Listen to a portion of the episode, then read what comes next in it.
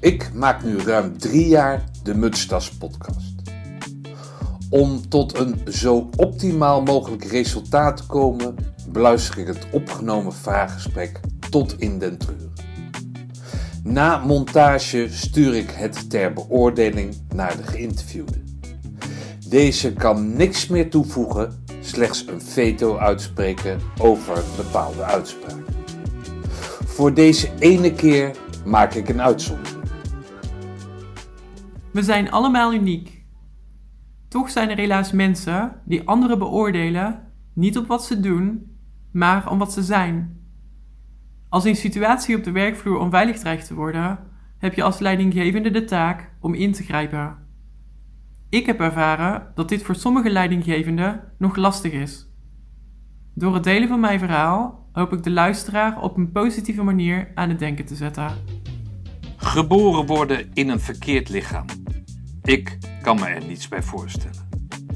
Daarnaast kan ik me nauwelijks een voorstelling maken van hoe het is om in het hoogste geweldspectrum werkzaam te zijn. Een mix van beide, in combinatie met een complexe vorm van PTSS en een burn-out, zijn enkele bepalende onderdelen van de geschiedenis van haar die vroeger als Thomas door het leven ging. Lichting 13.8. In deze aflevering van de Mutstas podcast het levensverhaal van Commando Corporaal 1, Taylor Dame. Commando, corporator eerste klasse, Taylor Dame, 8502 17 167. Uh, maar daar, zit- daar zit het wel in. Ja, ja, Oké. ja. Dat, eh, dat is inderdaad de oorzaak. Dat, het, ja, dat ik niet beter weet dan dat ik al op jonge leeftijd heb moeten zorgen voor de gezinssituatie voor mijn ouders. Ja. Ja, ja. nee ja, eh, de fun response. Ja, dat is eigenlijk de vierde F, noemen ze dat dan. Ehm, de meeste mensen zijn bekend met fight, flight en freeze. En met fawning, de, vier- ja, de vierde F, is eigenlijk niemand bekend. Ehm, maar niet, eh, niet onbelangrijk. Er zijn veel mensen die een fawn response hebben. en het komt vaak door eh, problemen in de jeugd. En dat kan dan zijn lang, eh, langdurig pesten of eigenlijk over je hele jeugd een moeilijke situatie gehad hebben. Vaak met hetzelfde soort problemen geconfronteerd. In de thuissituatie kan wel mis zijn. Ehm, ja, je kan in pleeggezinnen terechtkomen, maar het komt er eigenlijk op neer dat een, een kind eigenlijk heeft geleerd om zich altijd aan te passen, eh please gedrag eh, te, ja, omarmen, om maar te kunnen overleven. Omdat anders de angst was, er wordt niet meer voor mij gezorgd of eh, mijn wereld stort in. En ehm, ja, dat ontwikkelt zich tot een persoonlijkheid. En het heet dan complexe PTSS.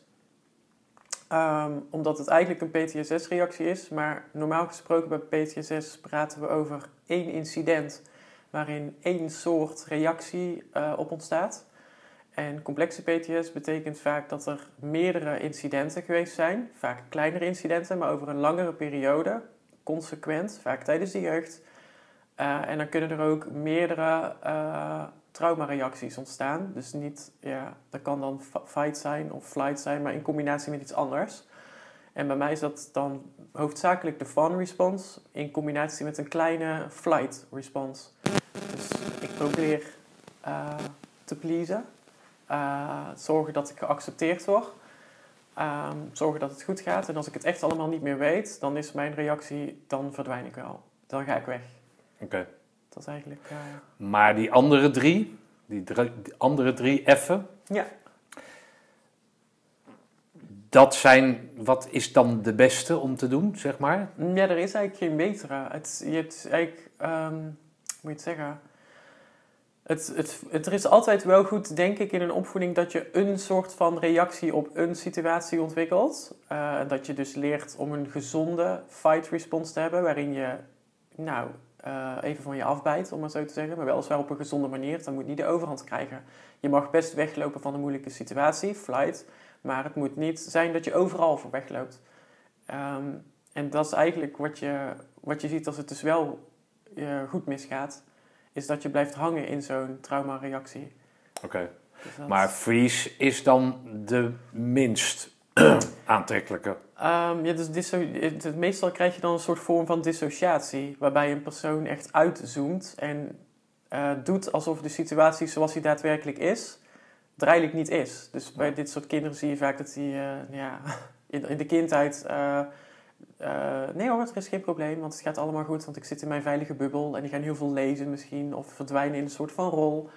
En op volwassen leeftijd kan dat, zich, eh, ja, kan dat zich manifesteren als iemand die een beetje we- wegstaat van de werkelijkheid. Die misschien zelfs een beetje apathisch wordt eh, als, er problemen, als er zich problemen voordoen. Hm.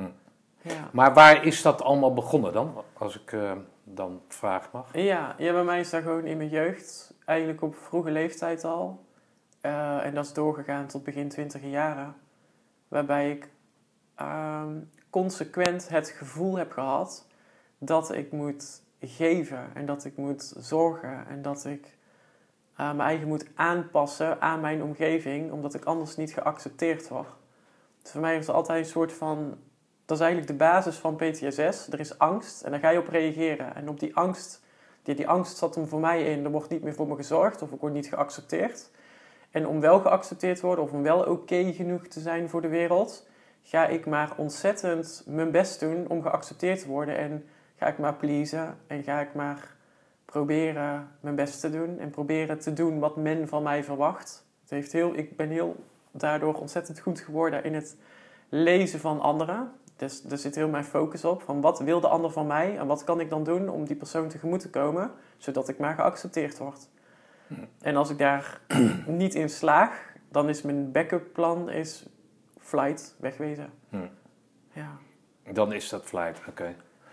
Dus dat volgende, dus dat, dat pleasen, dat is in eerste instantie een reactie. Ja. En dan, als het niet meer gaat, dan eh, maak je de pleitrik, Ja. om het zo maar te zeggen. ja, zeker. Oké. Maar hoe was die gezinssituatie dan bij jullie? Eh, Jij bent de jongste? Ik ben de jongste, Oké. ja. Ja, er zijn meerdere oorzaken waardoor dit kan ontstaan. Het kan, het kan iets zijn in de gezinssituatie, maar het kan ook iets structureels zijn wat bijvoorbeeld op school misgaat of op een sportclub misgaat. Eh, en zo vaag wil ik het eigenlijk laten. Jij komt dat dus in jouw jeugd, kom je dat overal tegen? Binnen Ja. het gezin, maar ook zeg maar op Ja. clubjes, sportclubs, weet ik veel wat. Ja, In, het, in je vrije tijd, om het zo maar te zeggen. overal. Op school, Ja, dus Overal. onderdeel van mijn persoonlijkheid. oké. En daar is nooit iets waarvan jij zegt van nu is het genoeg, want dan vlucht jij dus. Ja, ja. Ik ben een paar keer van school veranderd. Eh, heeft misschien daar ook mee te maken. Ehm, ik liep vroeger nog wel eens weg van huis. Dat soort dingen. Hm. Ja, Oké. ja. En wanneer ben je dat gaan aanpakken dan? Op jouw, voor jouw gevoel? Pas sinds kort. Ik weet pas sinds een paar maanden dat ik dit heb. Eh, hiervoor ben ik me er nooit bewust van geweest. En heb ik altijd eh, gedacht dat ik een weloverwogen besluit maakte om iets te doen, niet wetende dat dat voortkomt uit een traumareactie. Waarom ehm, ben ik een studie gaan doen die ik niet leuk vond? Dat is heel raar. De meeste mensen kiezen iets wat ze leuk vinden. Ik heb iets gedaan wat ik niet leuk vind. En ik heb daar ook nog afgemaakt ook. Dus- En wat heb je gedaan? International Business and Management Studies. Wat is daar zo verkeerd aan? Nou, dus op zich niks verkeerd aan, maar ik vond het gewoon niet leuk. Maar wie, wie heeft jou dan ertoe gebracht om die studie te gaan volgen dan? Eh, nee, ik heb op een bepaald moment besloten dat men dit wel zou verwachten van mij. Dit was een handige studie om te doen, dacht ik. Dit moet vast wel eh, het juiste zijn. Afgestemd op mijn omgeving. Dus dat is dan ook weer dat volgende. Ja, zeker. Lezen van de mensen om mij heen, lezen van mijn omgeving. Wat zouden hun willen, schat ik dan vervolgens in. En aan de hand daarvan maak ik een plan en die richting ga ik op. En ik verkoop het bijna aan mezelf alsof het mijn eigen keuze is. Terwijl dat het, het is niet meer dan gewoon... eh, Maar als je dan de hele tijd tegen jezelf dat je dat zegt, of in ieder geval dat het blijkt dat het niks voor je is, hoe kan je dat dan afmaken? Dat is dat volgende in, in Ja. absolute zin. Ja, dit, dit gaat echt... eh, dit is een soort van zelfpijniging eigenlijk. Want ik vond die studie niet leuk. Ik communiceerde ook dat ik het niet leuk vond, maar stoppen kon ik niet. Hm. Ik heb daar ook heel lang over gedaan. Ik heb een paar jaar die studie geparkeerd om even te werken en even na te denken. En uiteindelijk heb ik het dan toch weer afgemaakt. Ah, maar dat is een heel pijnlijk proces geweest. Oké. Ja. waarom doe je dat dan? Ja, dat is, Ja, dat dat- Dat is trauma. Die, die, de angst overheerst dan. En ik heb, ik heb nooit geweten dat daar angst onder zit. De angst om niet oké genoeg te zijn, die over, overheerst dermate dat ik daardoor bereid ben om dingen te doen waar ik niet achter sta. Dat, eh, En dat weet je pas, pas sinds kort. ja, dat weet ik pas een paar maanden. Oké. Ja. En dat heb je tot je genomen, die kennis. Ja, ja, ik heb het gelezen in een boek van een psychotherapeut uit Amerika. eh, die daar uitgebreid over geschreven heeft. En eh, ik heb wel in de zorg, ik, zit een, ik heb een paar jaar psychische begeleiding gehad van onder andere een psycholoog. En die constateerde al vrij snel jeugdtrauma. Dus ik wist wel in welke hoek ik het moest gaan zoeken. Maar dat, dat het zo diep zat en dat, zo, dat, dit, dat dit hetgene was wat gebeurde, dat wist ik toen nog niet. Dat heb ik Hm. uiteindelijk zelf gelezen in dat boek. Oké. Ja. Maar in welk, of maar, wanneer heb je die studie gedaan dan? Op welke leeftijd? Ik ben in 2003 begonnen. Toen was ik 18 en in 2012 pas ben ik afgestudeerd. Dus dat is een lange, een lange pijnlijke weg geweest. Oké, maar dat kon je dan in deeltijd doen dan daarna of zo? Of ben je weer teruggegaan naar school? Of Ja, ik heb alle jaren het schoolgeld betaald, maar ik ben een aantal jaren eigenlijk praktisch niet op school geweest. Omdat ik gewoon niet, lukte gewoon niet om überhaupt... nou, ik had zelfs moeite met überhaupt naar de winkel gaan. Ik had een soort van pleinvrees ontwikkeld, straatvrees. Maar, wanneer ga jij dan de dienst in? Ehm, nou, ik heb in 2000, eind 2008, begin 2009, toen had ik besloten, ik ga het leger in. Oké, Hoe oud was je toen, voor alle duidelijkheid? Oeh, dat zal rond de 25 geweest zijn. Oh, zo laat. Ja, ja, ja, Ah, laat pas. Ja. Nee, ik heb... ehm, ik ben als kind altijd wel avontuurlijk geweest. Dus er is ook altijd wel een drang geweest naar een stoere baan. Ehm, maar eigenlijk was het in mijn twintige jaren was eigenlijk het leger niet in beeld. Totdat ik merkte op een gegeven moment, ik loop vast in mijn leven. Ik doe mijn studie die ik niet leuk vind. En wat moet ik nu toch met mezelf? Dus ik zocht eigenlijk een uitweg om mezelf eh, te redden. Ehm, mijn zwager kwam destijds terug uit Afghanistan van uitzending. En ehm, ik merkte wel dat hij daarin een soort van voorbeeld voor mij was. En ehm, toen waren we op de landmachtdagen.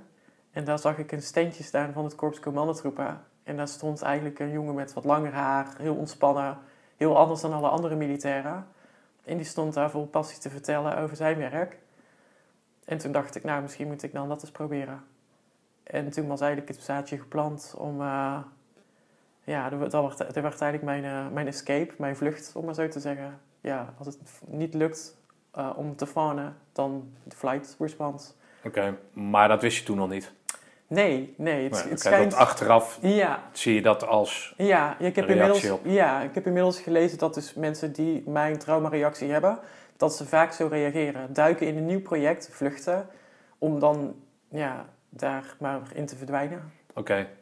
Maar eh, gewoon, eh, wa- wa- was jij vroeger, speelde je soldaatje dan en zo? Of? Zeker. Oh wel? Ja, oh, oké. Het, het was niet, Ja, nee, ik kwam was- niet uit het niets of zo? Nee, ik was echt een buitenspeelkind. Ja, ik was ontzettend graag buiten. Ik had een, dat is misschien wel grappig om te vertellen. Ik had een oom die graag eh, wandelde in de bergen. En eh, die had dan zo'n rugzakje mee en een hoedje op. En eh, nou, dat vond ik maar wat interessant. dus ehm, ja, dat, dat buiten zijn en zo, dat avontuurlijke, dat trok me wel. Hm. Ja, zeker. Oké. Ja. Dus dan zie je die kerel met die lange haren die relaxed is en anders is dan... En dat spreekt jou aan. Ja, Oké, maar, maar dan ga je dan... eh, wat, wat is die weg dan in, in een wereld die je dan misschien wel aangeraakt hebt met het soldaatje spelen? Maar wat, wat, hoe, hoe is die weg dan? Ehm, nou ja, ja, dat is... Dat weet ik eigenlijk ook niet zo goed. Ik denk dat ik ontzettend ten einde raad was en wil, weg, vooral weg wilde uit de wereld waar ik op dat moment vast in zat. Een studie die ik niet leuk vond met allerlei verplichtingen, ook financieel. Ehm, en dat ik dacht, ehm, als ik het leger in ga, dan, eh, dan kan ik weg. Ben ik weg van deze wereld? Kan ik op uitzending? Kan ik, eh, nou, krijg ik ook betaald. Dus kan ik ook eh, die studieschuld gaan afbetalen. Ben ik ook onafhankelijk van de wereld waar ik nu in zat. En wat ik ook zag is dat mijn zwager, nou, mensen waren wel in zijn verhaal geïnteresseerd nadat hij terugkwam van uitzending. Dus dacht ik, nou, misschien dat, dat het mij lukt om ook oké gevonden te worden. Dus misschien is dit wel een, uh, een juist pad voor mij om te gaan lopen. En ehm, ik heb er eigenlijk mijn tanden ingezet. En dan krijg ik ook een soort van, hoe moet ik dat zeggen, een soort van hyperfocus of zo. Waarin ik ook niet meer loslaat. Dan heb ik iets, iets nieuws voor ogen. En dan moet ook alles wijken. En dan ga ik er ook ja, 100% voor.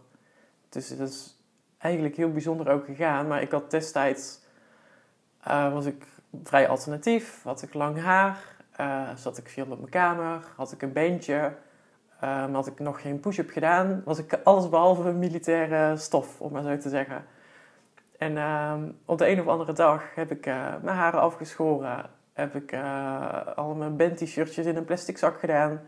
En uh, ben ik een heel ander iemand geworden. En heb ik een soort van personage aangemeten. En ben ik ontzettend veel gaan sporten.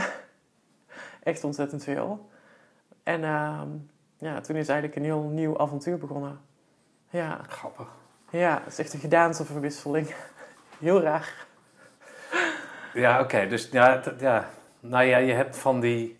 Het grappige is, ik zit tegenover jou en, en je ziet er dan uit zoals toen. Ja. Hè? Gothic Ja. en, en, en nou, lang haar. Nou, ik ben nu een meisje, maar goed, dat, eh, dat bespreken we later. Maar Ja. dus dan ga jij heel rukzichtloos nieuw, nieuwe missie en dan trek jij dat pak aan van die nieuwe missie. Ja. Figuurlijk. Ja. Oké. ja. Dat sporten zat dat al in je? Of? Nee, niet Oh, helemaal niet? Nee, ik heb vroeger wel een keer op atletiek gezeten, maar eh, ook nog gehockeyd. Waarom ik dat heb gedaan, geen idee. Maar ehm, nee, ik was niet echt een sporter. Helemaal niet zelfs. Ik zat eh, lekker op mijn kamer en kon volgens mij echt nog geen, geen push-up. Maar eh, nee, het was, me wel, het was me wel duidelijk dat ik een beetje moest gaan sporten, wilde ik commando worden. dus dan dacht ik, nou, kom op Taylor, schouders eronder en let's go. Eh, dus ik heb toen, d- dat was een trainingsschema, stond online op de website van het Korps Commandotroepen. Ehm dus daar ben ik maar braaf ben ik dat trainingsschema gaan volgen. En ik ben dan ook zo fanatiek dat ik mensen om mij heen ben gaan verzamelen die eenzelfde missie voor ogen hadden. Dus ik, er was een jongen die woonde bij mij eh, in de buurt. Die zat bij het Korps Mariniers en die wilde graag naar Marsov. Een beetje de special forces van, van het Korps Mariniers. En ehm, nou, daar ben ik wel eh, veel mee gaan optrekken, samen hardlopen. Eh, ik ben naar een, hoe heet dat, survival run club geweest. Nou, die mensen hebben echt gelachen toen ik daar binnenkwam, want ik kon helemaal niks. Eh, maar toch wel ja, volgehouden. En ja, zoiets van, ja, dit moet toch lukken, want wat moest ik anders met mijn leven? Dus het mocht ook niet falen, het moest lukken, het, ten koste van alles. Hmm. En ehm, ja, zo is een beetje dat avontuur gestart. Maar jij hebt bij Lichtmobiel gezeten, vertelde je? Dat was dan de eerste stap of zo? Of? Ja, nou in eerste instantie was het de bedoeling om bij het Korps Commandotroepen ja, rechtstreeks te beginnen. Dat kon toen nog als burger.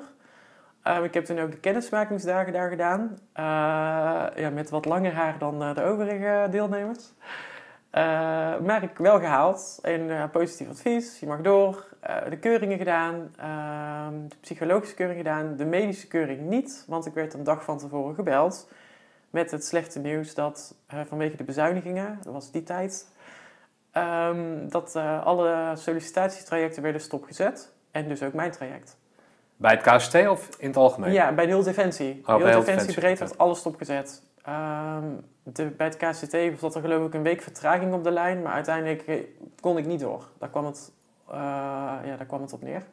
Dus ik kon toen niet aan de, ja, dat heette toen de, de AMO KCT, de Algemene Militaire Opleiding KCT. Daar kon ik niet aan beginnen. Dus stond, ik, eh, stond alles in de ijskast.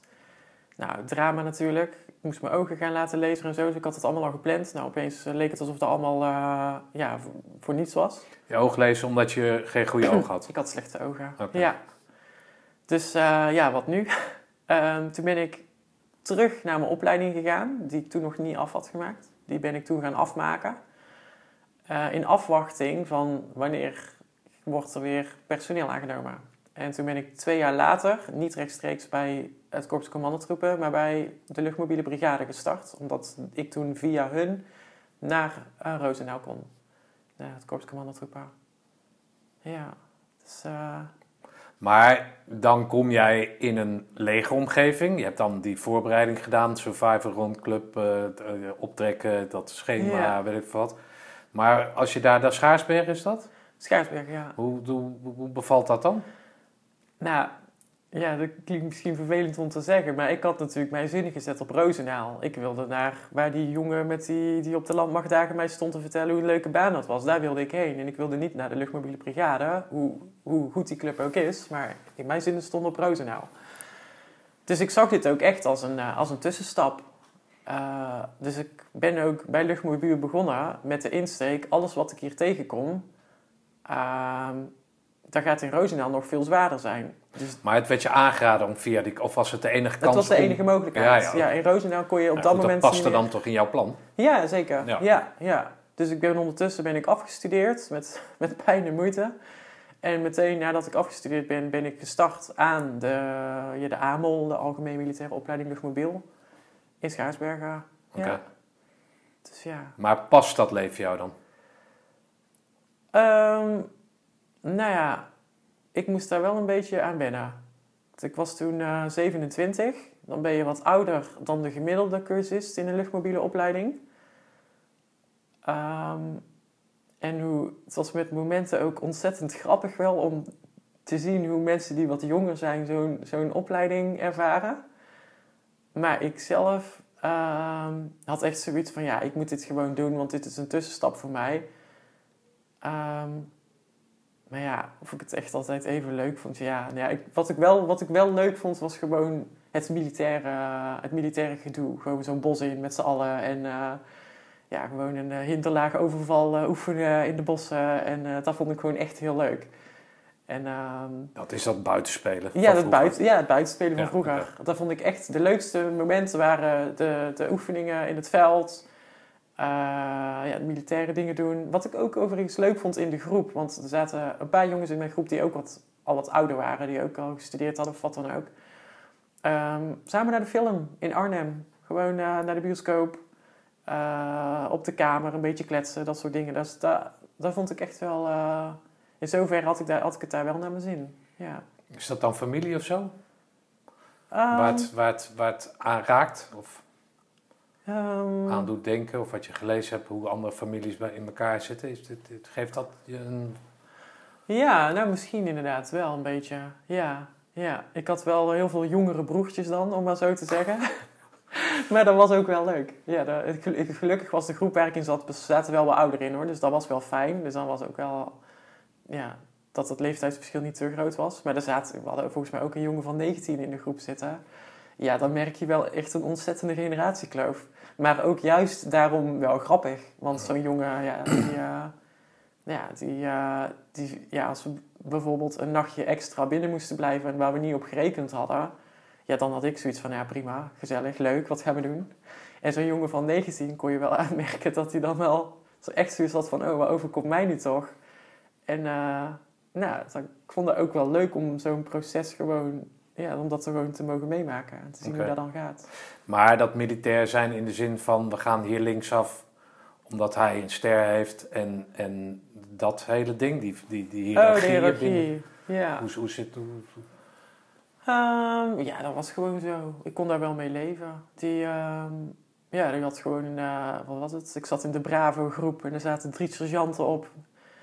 En eh, die deden dat hartstikke leuk. En met de ene keer altijd beter dan de andere. De ene had wel meer humor en de andere had humor die ik weer niet begreep. En de andere was ontzettend stoer. Ehm, maar ja, als hun zeiden we gaan linksaf, dan gingen we gewoon linksaf. En ehm, ja, dan eh, vaak had ik, ja, moet ik dat zeggen? Ik snapte ook vaak wel waar dat vandaan kwam. En ik denk ook dat door mijn leeftijd ik ook vaak wel een beetje door had van oké, dit. Ja, vandaag maakt het niet uit hoe goed we het doen. Vandaag is het de bedoeling dat we het niet goed doen. Ja. En, eh, en dan was dat leermoment. En dan had ik daar wel door. En dan vond ik daar ook wel prima. Van, eh, ja, dat. Maar met terugwerkende kracht, als je dat dan, dan binnen dat proces binnen zo'n groep, komt dat volgende dan komt dat goed van pas? Ehm, jawel, ja, wel. Ja, wel, ja wat, je, wat ik merkte wel in de groep is... eh, ik weet nu dat we op een gegeven moment een soort van eh, evaluatiegesprek hadden met, met de groep. Waarin ik aangaf van, nou ja, mocht er iets in de groep zijn, dan laat dat maar weten aan mij. Dan wil ik daar wel iets in betekenen voor je of zo. En dat ik echt jongens in de groep zag kijken van, wow, wat een, wat een vreed persoon is dit. Terwijl dat ik dan echt met de beste bedoelingen zei. Van, ja, ik, kan ja, ik, ik zat dan in mijn hoofd met nou, zo'n jongen van 19. Ik kan me best voorstellen dat hij af en toe denkt van... Ja, shit, wat, eh een auto gaan aan mijn schoen hangen. En ik had zoiets van, nou ja, mocht je dan ergens mee zitten, dan laat dat maar weten. Dus ik wilde dan wel facilitair naar de groep zijn. Terwijl dat daar, ja, het is natuurlijk een stoere mannenclub. Dus die hadden echt zoiets van, eh, nou, jij je mond mag Ja, maar ik bedoel ook naar bijvoorbeeld zo'n sergeant die dan jou probeert. Hè? Oh, Als, als zo. het, als het zo'n dag is dat alles Ja, niet lukt, hè, of volgens in hun ogen niet lukt, ja, doe jij dan nog steeds harder je best om. ja, ja, Ja, zeker wel. Ja, Maar dat is in zo'n omgeving alleen maar fijn dan, toch? zeker. Als je zo iemand erbij hebt. Ja, nou, deze traumareactie reactie werkt perfect in de militaire omgeving. Ja. Ja, dat is echt eh, ja, gewoon harder werken. Op tijd komen en je best doen. Als je die Ja. twee dingen doet, dan kom je bij het leger een heel eind. Nou, Ja. daar kon ik wel. Ja. Maar daar heb je dan op dat moment niet, niet geen weet van. Maar, maar Nee. het is ook niet wat dan tegen jouw principes indruist. Want je doet dat je hele leven al. Ja, ja. Ja, dus En je bent daar volledig op je plek. Ja, nou, wat ik zelfs fijn vond aan het leger, is dat ik in mijn jeugd probeerde ik vaak ontzettend mijn best te doen. En als ik dat dan deed, dan kreeg ik daar niet altijd positieve feedback op. Dan was dat niet meer dan logisch. In het leger kreeg ik op een gegeven moment te horen dat ik dingen goed deed. Dacht ik, dat is, dat is een nieuw concept. Dat je, je, dat je je best doet en dat je daarna te horen krijgt dat het eigenlijk best wel oké was wat je deed. Dacht ik, nou, dat is fijn. Dus ik groeide daar wel, van. Ja. Ja, eh, nou, na zo'n opleiding waar ik echt ook ontzettend gelachen en genoten heb, kom je dan bij een paraatclub. Ik kwam bij het 11e bataljon, eh, bij de Alpha Koningscompagnie. Ehm, en daar moest ik wel even eh, ontzettend wennen. Ehm, want ja, dat was geen Roosendaal, dat was anders. Hier was, eh, nou, ik was best wel een strenge, sterke hiërarchie. Ehm, het ding was dat jongens die echt een stuk jonger waren dan ik, eh, ja, tussen aanhalingstekens dan de ervaren militairen waren. En ik had af en toe wel zoiets van, kunnen we dit niet anders doen? Of waarom doen we dit zo? Of wat, wat is hier de gedachte achter? Jij kwam onderaan binnen en die jongens van 19, die zaten al in de compie. Dus die hadden meer ervaring. Ja, die, zaten, die waren dan eh, bij wijze van een half jaar of een jaar eerder uit de AMOL komen rollen. Maar die waren dan ervaren. Allemaal nog geen uitzending gedraaid.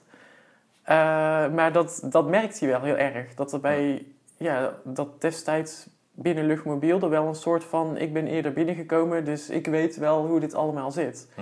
En ik merkte dat ik daar wel moeite mee had. Omdat ik inmiddels 28 aan het worden was. En ik echt zoiets had van, ja, ik snap wel dat je dit al vaker hebt gedaan, maar het is ook geen rocket science dit. Dus kun je dit op een iets leukere manier misschien vertellen? Moet dat zo streng of moet dat zo... Ja, dus dat vond ik af en toe wel jammer, want ik had het idee dat dat ten koste van de sfeer ging. Uh, maar desalniettemin ook heel veel gelachen. En gelukkig bestond mijn peloton uit heel veel nieuwe jongens. Dus waren we allemaal nieuw en stonden we allemaal op nul. En ehm, ja, wat ik zeg, ik had wederom een jongen, ook heel jong, op mijn cluster eh, slapen. Die zat de hele dag achter de Playstation. Ja, ik vond het echt ontzettend leuk om te zien hoe, eh, ja, hoe daar zo'n kleine familie ontstaat op zo'n eh, cluster, heet dat dan, zo'n slaapgebouw. Ehm, en ik denk dat ik me wel vaak geroepen ja, voelde om dan de jongens mee te motiveren van... eh, kom, het is donderdag, we gaan even naar Arnhem, we gaan dus even naar de bioscoop... of even een drankje doen op het terras, even, iets- even iets gezelligs. Zoiets, dat vond ik wel eh, samen koken of zo. Omdat het, je hebt daar twee, eh, twee elektriciteitspitten als je dan in, in het keukentje. Daar dan toch maar proberen een maaltijd te maken samen. Dat vond ik wel leuk, Hmm. ja. ja. Oké. Een soort mentorachtige functie. Dicht je jezelf toe. Ja, ik denk het wel een beetje. Ik denk dat dat toch een beetje een soort van eh, stiekem wel gebeurde, ja. ja. Dat ik het ook wel leuk vond eigenlijk. Ja. Ja, Nou ja, mensen hebben geen ervaring, geen levenservaring. Als je 28 bent, studie Ja. achter de rug hebt, ja, struggle hebt doorgemaakt, Ja. dan, dan weet je wellicht waar andere mensen in zitten. Of dat, ja. en dan eh, eh, reik je hun de hulpende hand of helpende hand. Ja, dat heb ik wel getracht te doen. Ja, Ja. Ja. Dat is wel... eh, het vervelende aan die tijd was overigens wel... Uh, het is dan wel goed om te vertellen dat ik... eh, ik heb toen een, eh, keelontsteking en een longontsteking gekregen. En daardoor, eh, het was een oefening eh, buiten ergens nog in februari, volgens mij, of maart. Het was ontzettend koud. En ehm, in al mijn... eh, ik probeerde het natuurlijk goed te doen, dus ik wilde eigenlijk niet ziek zijn, maar ik was hartstikke ziek. Maar ik dacht, ik doe wel gewoon mee met deze oefening en ik kleed me wel warm aan en dan komt het wel goed. Nou ja, ik, daardoor kreeg ik dus een longontsteking. Ehm, maar ik durfde ook niet echt op te staan en te zeggen van, eh, het gaat eigenlijk niet. Totdat op een gegeven moment de AMV'er van mijn compie mij van het appel heeft getrokken. Omdat ik blijkbaar nogal geel zag en dat viel hem wel op. En die heeft toen... AMV'er, wat ja, is dat is de algemeen militair verpleegkundige. Ah, ja. ja, op iedere compagnie zat zo'n AMV'er. En eh, ik had een hele, dat was een hele leuke vent. En die trok mij van de appelplaats af naar binnen en die stopte een thermometer in mijn oor. En die zei, oeh, volgens mij eh, ben jij hartstikke ziek. Ik had 41 graden koorts of zo. Dus, die, ehm, ja, dus toen heb ik ook een tijd echt op een zijspoor gezeten. Dus dat was eigenlijk wel, eh, wel jammer aan die tijd. Want ja, ik wilde heel, uiteraard wilde ik ontzettend graag mijn best doen om een hele goede militair te worden. Maar ja, ik lag vooral die week in mijn bed. Dus dan ben je vrij nieuw in je eenheid. En dan denken ze ook van ja, die, die zieke, wat moeten we daar nou mee? Dus dat vond ik wel vervelend. Ja, Oké. Wanneer mag je naar Roosendaal dan?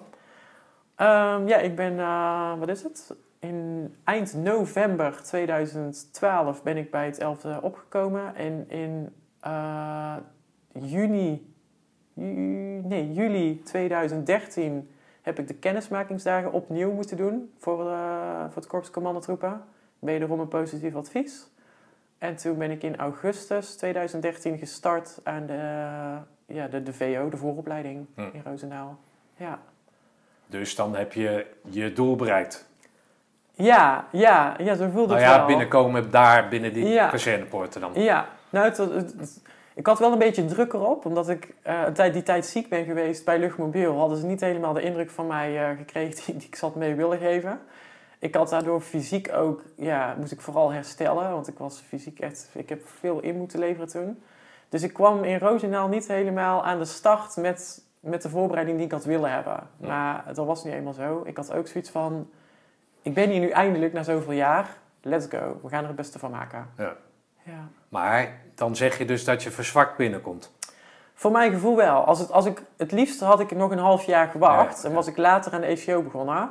Maar dat kon niet. Nou ja, het, het, had wel gekund, maar ik, wilde, ik, ik merkte bij Luchtmobiel dat het leeftijdsverschil dermate was dat ik dacht, ik wil hier ook niet blijven. Hm. Dus ik wil nu of nooit, om maar even zo te Oh zeggen. ja, nou ja, Dat, goed. eh, wel aardig. Hè? ja, hup, die kant op en eh, schouders eronder. Dat. Oké, en dan? Ja, ontzettend spannend natuurlijk. Dit is echt dat moment waar, je dan, eh, ja, waar ik dan al jaren voor getraind had. En ja, nou, dan kom je daar in zo'n groep en iedereen vindt dat natuurlijk spannend. En eh, ik had het ook echt zwaar. Ik vond het echt, de VO vond ik al pittig. Dan merkte ik ook dat ik fysiek al wel eh, de moeite mee had. Ik had niet de voorbereiding die veel andere jongens hadden. En dat heeft me eigenlijk de hele VO en de ECO achtervolgd. Dat ik elke keer merkte als we iets fysieks gingen doen, moesten alle zeilen bij. Eh, om, om, om die tijden te halen. Daar had ik wel moeite mee. Dat, dat, Dat maakte je onzeker of niet? Zeker, ja. Ik heb ook, voordat ik aan de ECO eh, begon, dan zit je nog in de VO en dan ga je je mutstas en eh, je tokkel ophalen. Heb ik ook aangegeven van, ik ben mij ervan bewust dat ik fysiek aan de ondergrens zit. Maar ik ga wel alles op alles zetten om het te halen. Dus mijn inzet... Dat was de mededeling. Ja, zo heb ik het verteld aan hun. Dat, eh, aan het instructiekader. Dat, ja, die, Dat die, was in het voorgesprek dan of zo. Ja, iedereen kreeg eigenlijk een individueel voorgesprek van eh, nou, een paar minuten. En daarin ben ik, heb ik aangegeven van ik weet, ik ben me ervan bewust. Fysiek schiet ik tekort, denk ik. Maar ik ga alles op alles zetten om het wel te halen. En hun waren het volgens mij daar ook mee eens. Dat het hun het ook zo zagen. Maar werd dat als krachtig gezien, denk jij? Of, of als indekken? Of, of... Weet ik niet. Da- ja, dat hebben ze uiteraard niet verteld. Nee, maar wat vond je Maar zelf? Ik heb het idee dat ze... Nou ja, daar ben ik in ieder geval van uitgegaan. Dat ze het wel konden waarderen dat ik daar realistisch in was. Hm. Dat, dat, eh, dat ik echt wel ook niet... eh, nou ja, dat ik zelf echt wel door had waar ik stond. Ik denk dat ze daar wel... Ja, ik heb, tenminste, ik ben ervan uitgegaan dat ze dat kunnen waarderen. Ja, er waren een zware acht weken. ik heb er echt voor moeten vechten. Die, eh, ik heb... eh, volgens mij uh, het aantal herkansingen dat, uh, dat uh, mogelijk is, heb ik gebruikt om de, de speedmars te halen. Daar was ik geen uitblinker in. Het, ik heb volgens mij de laatste speedmars die ik moest herkansen, ben ik, heb ik mezelf een soort van knock-out gerend. ben ik voor het tentenkamp op het asfalt neergedonderd. Gelukkig meteen bijgekomen en naar de finish gerend. Waar destijds de sergeant-major van de opleiding mij stond op te wachten in een Mercedes-Benz. En die tegen mij zei: Nou, kun je niet gewoon altijd zo rennen? Dan haal je het in één keer. dus gelukkig gehaald. Um, maar uh, ja, er waren wel een paar pittige momenten. Ik heb echt wel uh, alles moeten geven om het te halen. Ja. Maar dat voldoet dan weer volledig aan dat volgende, of niet? Ja, zeker. Ja, dus eigenlijk ja. heeft het alleen maar voordelen gekend. Ja, zeker. Het, het, die hele traumareactie Fanning heeft ervoor gezorgd dat ik in het leger goed gedijde. Gewoon door, door barrières zijn om je doel te halen dus? Uh, ja, ik denk het wel. Ik heb echt, ja, er waren natuurlijk jongens die een stuk fitter waren, die echt wel harder daarin renden. Maar wat ik in ieder geval probeerde was om... Um, ja, ik heb één speedmars heb ik achter het rugzakje van een, van een collega uit de opleiding uh, gehangen. En ik heb daarna echt staan janken, omdat ik dacht, dit is dus niet wat ik wil. Want ik, nu druk ik op de groep. Ja. En dat was echt de schaamte voorbij, voor mijn gevoel. Dus um, gelukkig had hij wel door dat ik het daar heel moeilijk mee had. Dus hij troostte me wel even. Maar daarna was het wat mij betreft, de rest van de opleiding ga ik niet meer achter een rugzak hangen. En dat is gelukt. niet dat ik uh, vooraan rende, zeker niet. Maar ik heb wel, uh, ja, dus wel allemaal gewoon uh, op eigen beentjes gedaan vanaf toen. Ja. Oké. Okay. Hey, en hoe lag jij in de groep? Um, nou, volgens mij niet per was ik geen hele populaire. Zo heb ik het in ieder geval niet ervaren. Ik denk dat, ik denk dat het sowieso in zo'n ACO heel erg aftasten is van wie, want ja, de, de, de, verdwijnen met bosjes, dus het is een grote afvalrace. Dus ik denk dat je om die reden ook, ja, ja, dat het even duurt voordat je een hechte groep wordt. Dat daar ook wel even de tijd overheen gaat. Um, en ik denk dat ik, uh, ja, moet ik dat zeggen? Dat ik um, in het op het sociale vlak, gewoon een beetje de, de grappige momenten tussendoor, dat ik daar niet echt goed in meekwam. En daardoor ook niet echt uh, een hele opvallende cursist ben geweest of zo. Dat ik... Maar noem eens een voorbeeld dan dat je dan niet daarin past, dat je dat gevoel hebt dan? Wat is, wat is humor dan waar jij dan niet in mee kan? Uh, nou, ik, ik weet nu dat toen dat een jongen in de opleiding, een hele grappige jongen, en die had, volgens mij was het de week van de natte kreten of zo, ik weet niet meer precies. Maar die maakte er al iets heel leuks van. Dan riep hij bijvoorbeeld van, uh, ja jongens, vergeet je wapen niet. Terwijl ja, dat is nogal logisch dat een militair zijn wapen niet vergeet. Maar die, die noemde dan, riep dan af en toe dat soort dingen om een beetje zo de humor erin te houden. Ontzettend grappig. En ik moest daar ook echt om lachen. Maar ik kreeg zelf dat soort dingen echt niet verzonnen. Dus ik, ja, ik wist wel van ja, dat, uh, ja, ik kan dat ook gewoon niet. Maar, uh, dus ik, ja, ik kon daar niet goed in meekomen in dat soort humor. Maar ik genoot er wel van. Dat vond ik wel, uh... Ja, oké, okay, maar ik bedoel meer van, uh, snapte dit? Als jij zegt dat je dan er sociaal niet mee kan, maar ja. als je het wel snapt, dat, ja, je, ja, niet iedereen is dan even om daar nee, te... Nee, dat klopt. Ja. ja toch? Nee, ja. nee, dat is ook zo. Ja. ja. maar hoe ging dat dan met dat volgende? Want, want dat volgende, als iemand zijn zijn fles laat vallen of ja. geen water meer heeft, ja. ben jij dan degene die zegt: Hier is mijn. Ja, ja. Nou, ik heb wel twee leuke voorbeelden daaruit misschien. Um, uh, ik heb één keer, een keer in de, wat was dat toen, in Limburg volgens mij, hebben we daar een soort van uh, speedmars met een, met een hele grote rugzak gedaan richting een drielandenpunt omhoog. Heftig, heftig. En dat toen op een gegeven moment een instructeur tegen mij zei: uh, Kus is dame dit is niet echt de beste plek om te gaan lopen achteraan. Want je bent niet zo'n goede renner. Misschien kun je beter vooraan lopen. En ik had echt zoiets van, nee, uh, nu is het mijn beurt om op de rotplek te lopen. Dus ik moet ook mijn steentje bijdragen. Dus ik ga hier wel even ontzettend lopen leiden. Maar toch een beetje dan dat pleasen naar de groep toe. Van, uh, iemand, het is nu iemand anders beurt om even voorop te mogen lopen. En die gaat er niet dicht hoeven lopen. Um, dus daar is dat denk ik wel voorgekomen. We hebben ook een keer gehad dat we tijdens de meer tactische week in de ECO... dat we moesten... Ja, sorry. Maar dat is dan dat is toch verantwoordelijkheid nemen, toch? Dat is toch de verantwoordelijkheid van jouw positie in de groep. Dat, dat hoeft, ja. en als jij dat dan ook zo uitlegt, Ja. heeft dat toch niks met vonden te maken? Dat is dan toch gewoon meer, zij hebben het gedaan, nou doe Ja. ik het ook. Ja, ja, voor mij is toch anders dan dat je iemand wil pleasen? Ehm, Het is ook wel een vorm van pleasen, maar Ja, het is een jij ziet van dat ik- anderen doen, ja, dan doe jij het, dat ook. Ja, ik gun het op dat moment de ander. Dus voor mij is dat, voelt dat dan Ja. een soort van please gedrag. Oh wel, Ja, voor mij voelt dat oké. dan zo. Ja. Ja. Ja, in ieder geval niet, eh, niet op de makkelijke plek gaan lopen.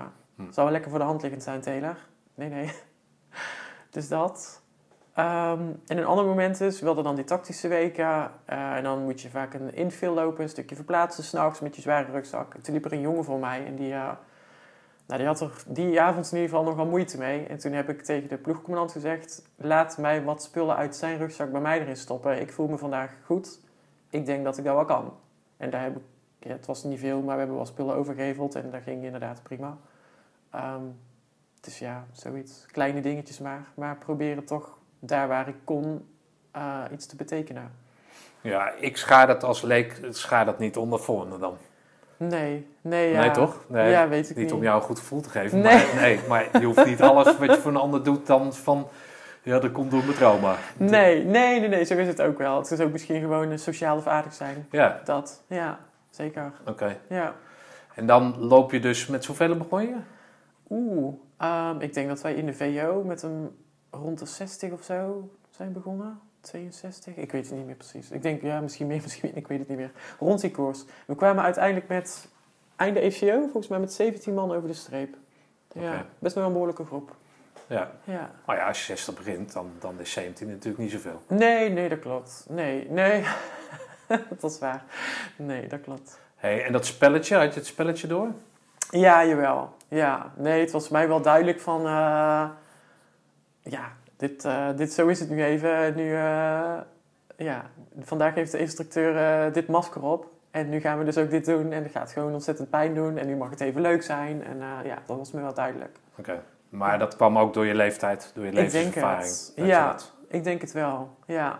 Ja, en ook natuurlijk veel wel gelezen over de ACO, om ook een beetje daarop voor te bereiden. Dus ik had ook al door van, oké, dit soort dingen gaan er nu eenmaal komen. En ik denk ook dat dat spelletje wordt natuurlijk ook gespeeld met een doel. En eh, ja, dat had, ik, dat ik wel voor ogen. Van ja, dit heeft ook gewoon het doel om eh, nou, te kijken wat voor vlees ze in de kuip hebben. Hm. Dus eh, ja. Maar dan heeft jouw tijd in Schaarsberg heeft je dat dus wel geholpen. Ja, Of had je er op dezelfde manier ingestaan als je als spijkerbroek binnen was gekomen? Ehm, ja, ik denk het wel. Maar ik denk inderdaad eerst gewoon een AMOL doen. Dat me daar wel, daar bereid je wel beter voor op zo'n militaire opleiding. Ja, zeker. Oké. Ja. Hey, en hoe vinden ze thuis dan? Dat, dat jij dat proces doorgaat, om het zo maar te zeggen? Ehm, ik heb me er eigenlijk geen seconde afgevraagd. Nee? Nee, ik wilde, ik wilde heel graag weg van alles. En dit was een eh, goede escape.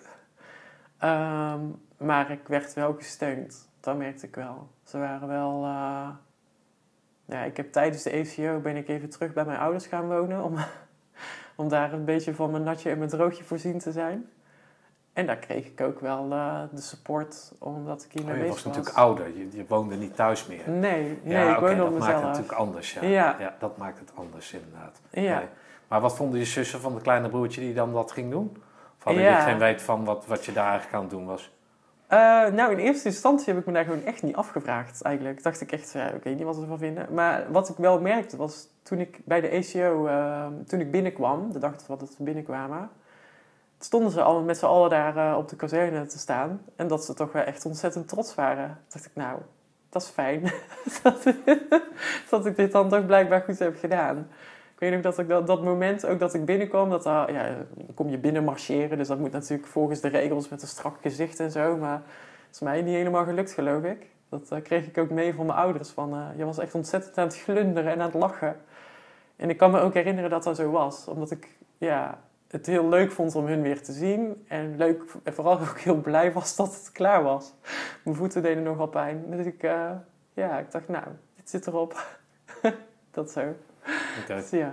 En de dag zelf, is dat dan... eh, Ehm, ja, ik vond het heel, ja, moet ik dat zeggen? Ehm, Nou, omdat jij van tevoren, hè, je hebt er lang op gewacht. ja, Hè, je hebt je, je, je, je doel heb je aangescherpt. Weet ik wat, dan moet je twee jaar wachten. Dan heb je die studie, doe je dan Ja. die je eigenlijk helemaal niks aanvindt. nee, Dan ga je trainen, weet ik wat. Dus je je hebt echt wel een, een ja, ja, vooruit gestippelde lijn heb je gevolgd. En als Ja. je dan binnenkomt, dan, dan moet er iets door je heen gaan. ja, ja, dit was wel een heel plan en een heel, eh, ja, dit was inderdaad wel een hele onderneming van een paar jaar.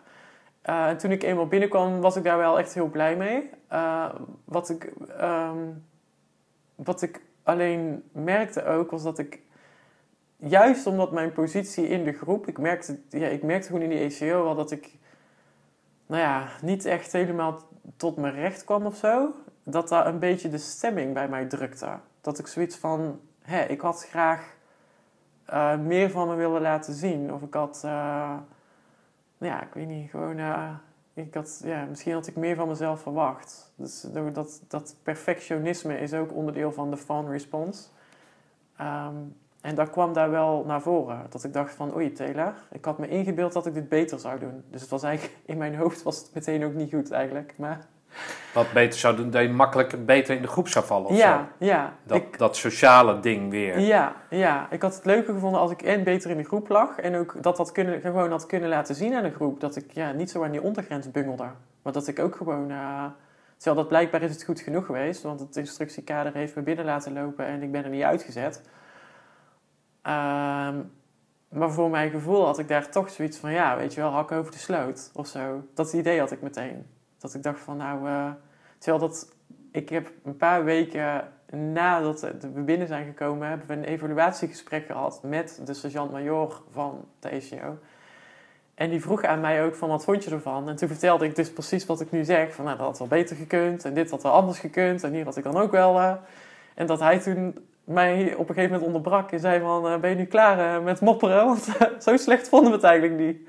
Maar in mijn hoofd was het wel... eh, ja, had ik daar, ja, had, had er anders gekund. Maar dat wijt jij dus weer aan dat perfectionisme wat in dat voorning zit. Ja, zeker. Ja. Kan je heb, nu, nu weet je dat, dat je Ja. dat hebt, hè? Maar, maar nu terugkijken, kan je dat niet loslaten dan? Dat dat perfectionisme gewoon behoort, niet zozeer bij dat vormen als wel ja. gewoon om die opleiding. Dat je daar perfectionistisch voor moet zijn. Ja, ja Om- zo. Denk ik ook wel. Het helpt zeker wel. Eh, ja, je moet niet eh, genoegen nemen met een zesje of een zeven als je, als je aan de ECO start. Het is nogal fijn als je wel streeft naar perfectie. Naar perfectie. Eh, dus dat heeft me ook zeker wel geholpen. Ehm, maar wat ik nu wel met terugwerkende kracht kan beredeneren... is dat ik daar misschien wel met momenten te ongezond ben geweest. Dat ik... nou, meteen om jezelf zo af te fakkelen na binnenkomst na een ECO. Zo van, nou, dat had wel beter gekund. En dit had je ook al beter Ja. kunnen doen. nu kan ik wel beredeneren van, oh Taylor, dan mag je wel iets liever voor jezelf zijn. Ja, Alleen op dat moment daar, ja, weet ik niet, eh, kwam, kwam dat niet meer op. Ik wist toen nog niet dat, ik, dat dit iets is wat in mijn... Ja, nee, oké, maar, maar het, het- het- als jij zegt dat je met 60 bent, je komt met 17 aan, je hebt gebungeld, je hebt je verantwoordelijkheden genomen, dan, dan is het zo jammer, lijkt mij, dat je dan dat zo voor jezelf zo afkalft. ja, Dat je dat tot, tot iets maakt van, ja god, ze hadden Ja. nog een beret over. ja, Ze ja. hadden er 17 besteld en nou ja, aan wie zullen we die eens geven? Nou, laat die tele maar doorlopen, want we hebben er 17 besteld en anders moeten we dat weer terugsturen. Klopt, ja. Ehm, nou, dat is ook wel wat de sergeant major mij meegaf. Wat, wat ik wel fijn vond, is dat hij het wel uitlegde. Hij zei van, fysiek hebben wij echt wel gezien dat je het lastig hebt gehad. Dat hebben we wel gezien. Maar je hebt het goed gemaakt op andere vlakken. Bijvoorbeeld tijdens de, ehm, de laatste week van de ACO was een soort van survival-achtig iets... waarbij we overdag, veel, of, eh, ja, overdag moesten verdwijnen in een bosje uit het zicht... en s'nachts nogal veel kilometers verplaatsten. En ehm, hij gaf aan dat ik daar echt ontzettend eh, goed gehumeurd eh, altijd eh, mijn ding deed. En dat ze daar wel van stonden te kijken. Dat zelfs na drie dagen in zo'n bos zitten in de nattigheid, het regende heel veel. Dat, ja, dat ze daar wel van zeiden, nou, daar, daar was je volgens mij niet stuk te krijgen. Terwijl dat ik ook in mijn herinnering daar ook niet per se als heel moeilijk heb ervaren. Hm. Het moeilijkste vond ik, ja inderdaad, de fysieke momenten. Maar Ja. Maar ja, aan de andere kant is het natuurlijk ook zo dat ze, hè, wat ik begrijp, dat ze in vergelijking tot, tot mijn tijd, en daar mag ik helemaal niet mee vergelijken, maar dat ze natuurlijk op zoek zijn ook naar veelzijdigheid, toch? Ja, ja, Hè, En dat niet iedereen hetzelfde kan. ja. Hè? En, Ja. en wellicht dat ze dat juist zagen, toch? Ik denk het. Ja, Ja. Zo, zo- zo- ja dat denk ik dan inderdaad. Ja.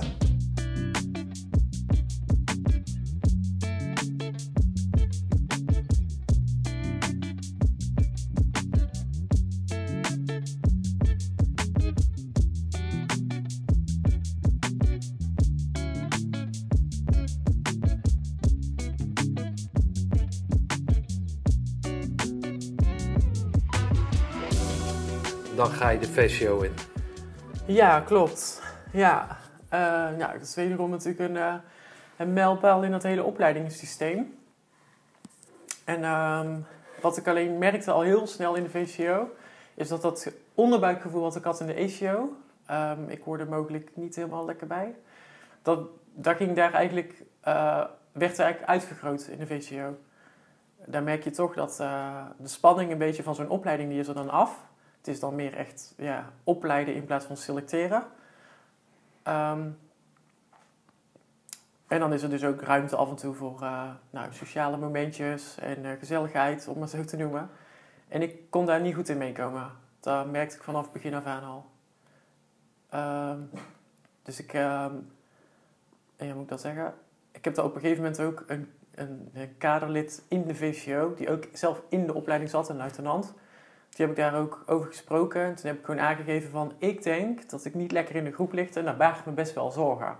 Dus ik had daar al wel vrij snel door van... oké, dit is niet... eh, ik, hoe, hoe kan het anders? Ehm, maar ja, het ding is natuurlijk ook dat het gewoon een leuke opleiding is... waarin je leert om operator te worden. En ehm, ja, dus dan wil je ook niet uit het veld laten slaan. En eh, ja, ik moet ook zeggen dat ik het werk gewoon echt ontzettend leuk vond... Dus eh, dat motiveert dan ook. Hou op, Toet. Dus ehm, ja, zo heb ik het eigenlijk wel lang vol kunnen houden. Maar dat, dat gevoel wat ik had, dat begon zich ook wel te uiten. Ik kreeg ook wel vaak vanuit de groep te horen dat ik dingen anders moest doen.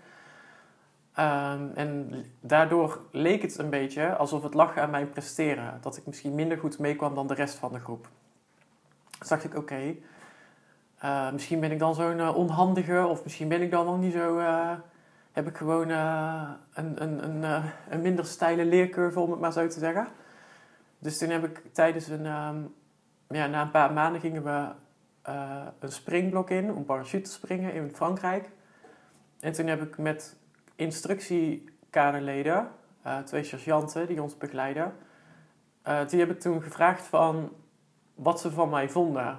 En ook gevraagd van, kunnen jullie even een tijdje met me meekijken of ik echt zo slecht ben? Want ik heb het idee dat ik vanuit de groep te horen krijg dat ik, dat ik niet op het niveau presteer dat nodig is. En dat ik daardoor eh, nou ja, niet lekker in de groep lig en tegen problemen aanloop. Dus dacht ik, ja, als iemand dat moet zien, dan zijn het die mensen die langs de zijlaan staan.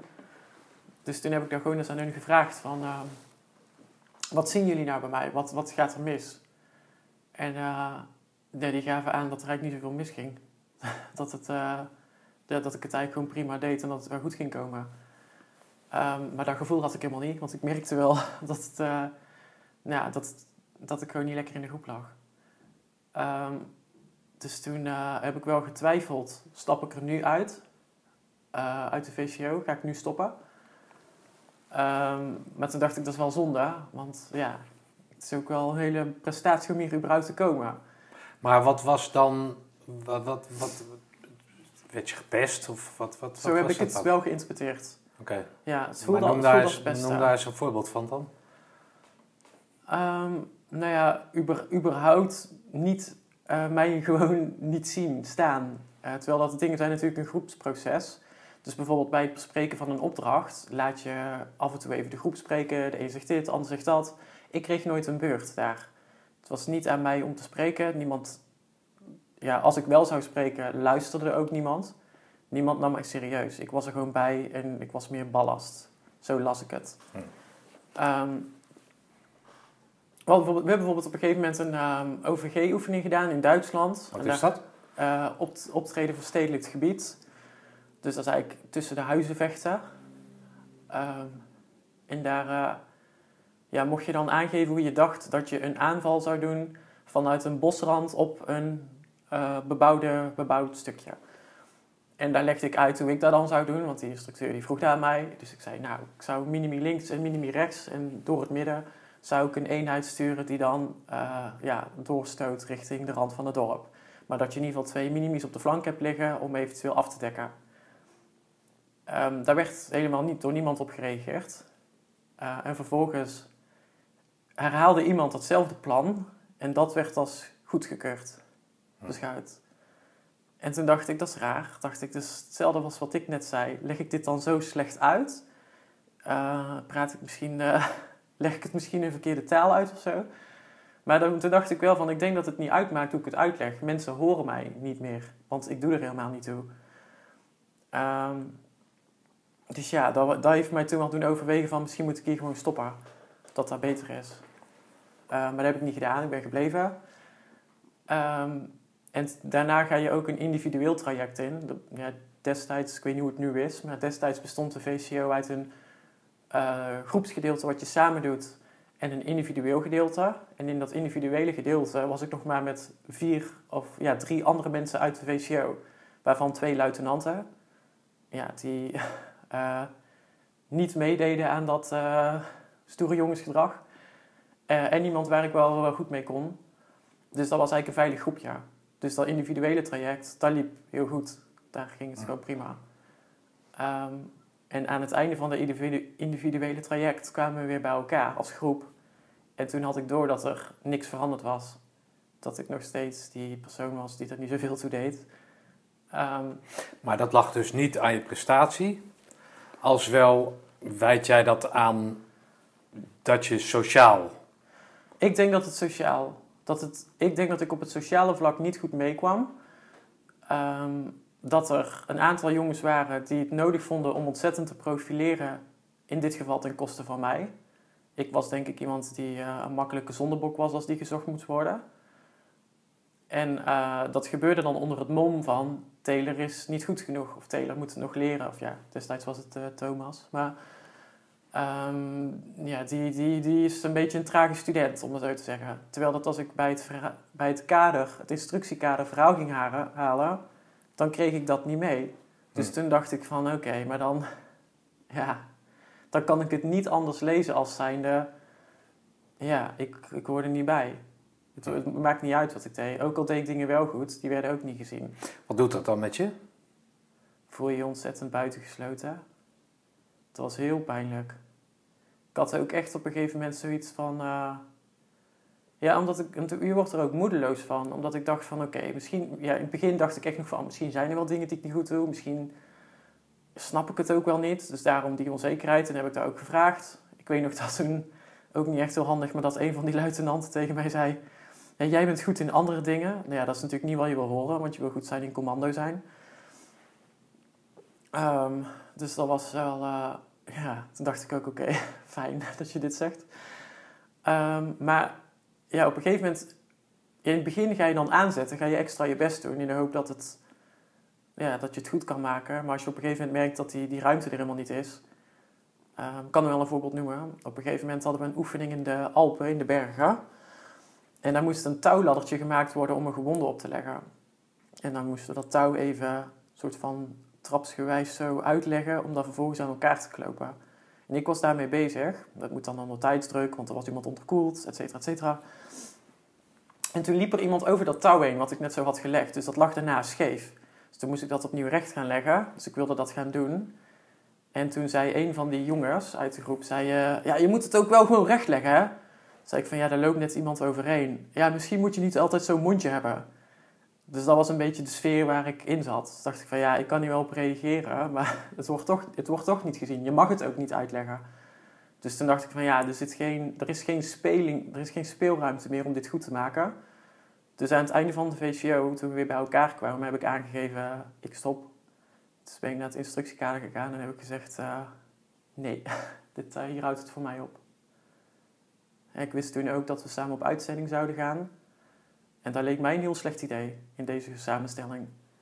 Dus daar heb ik, dat was voor mij hetgene wat de doorslag gaf. Dat ik dacht, zo kunnen we niet op uitzending gaan. Want jullie mogen mij niet, En ik voel me niet op mijn gemak. Dus nee, dit is niet handig.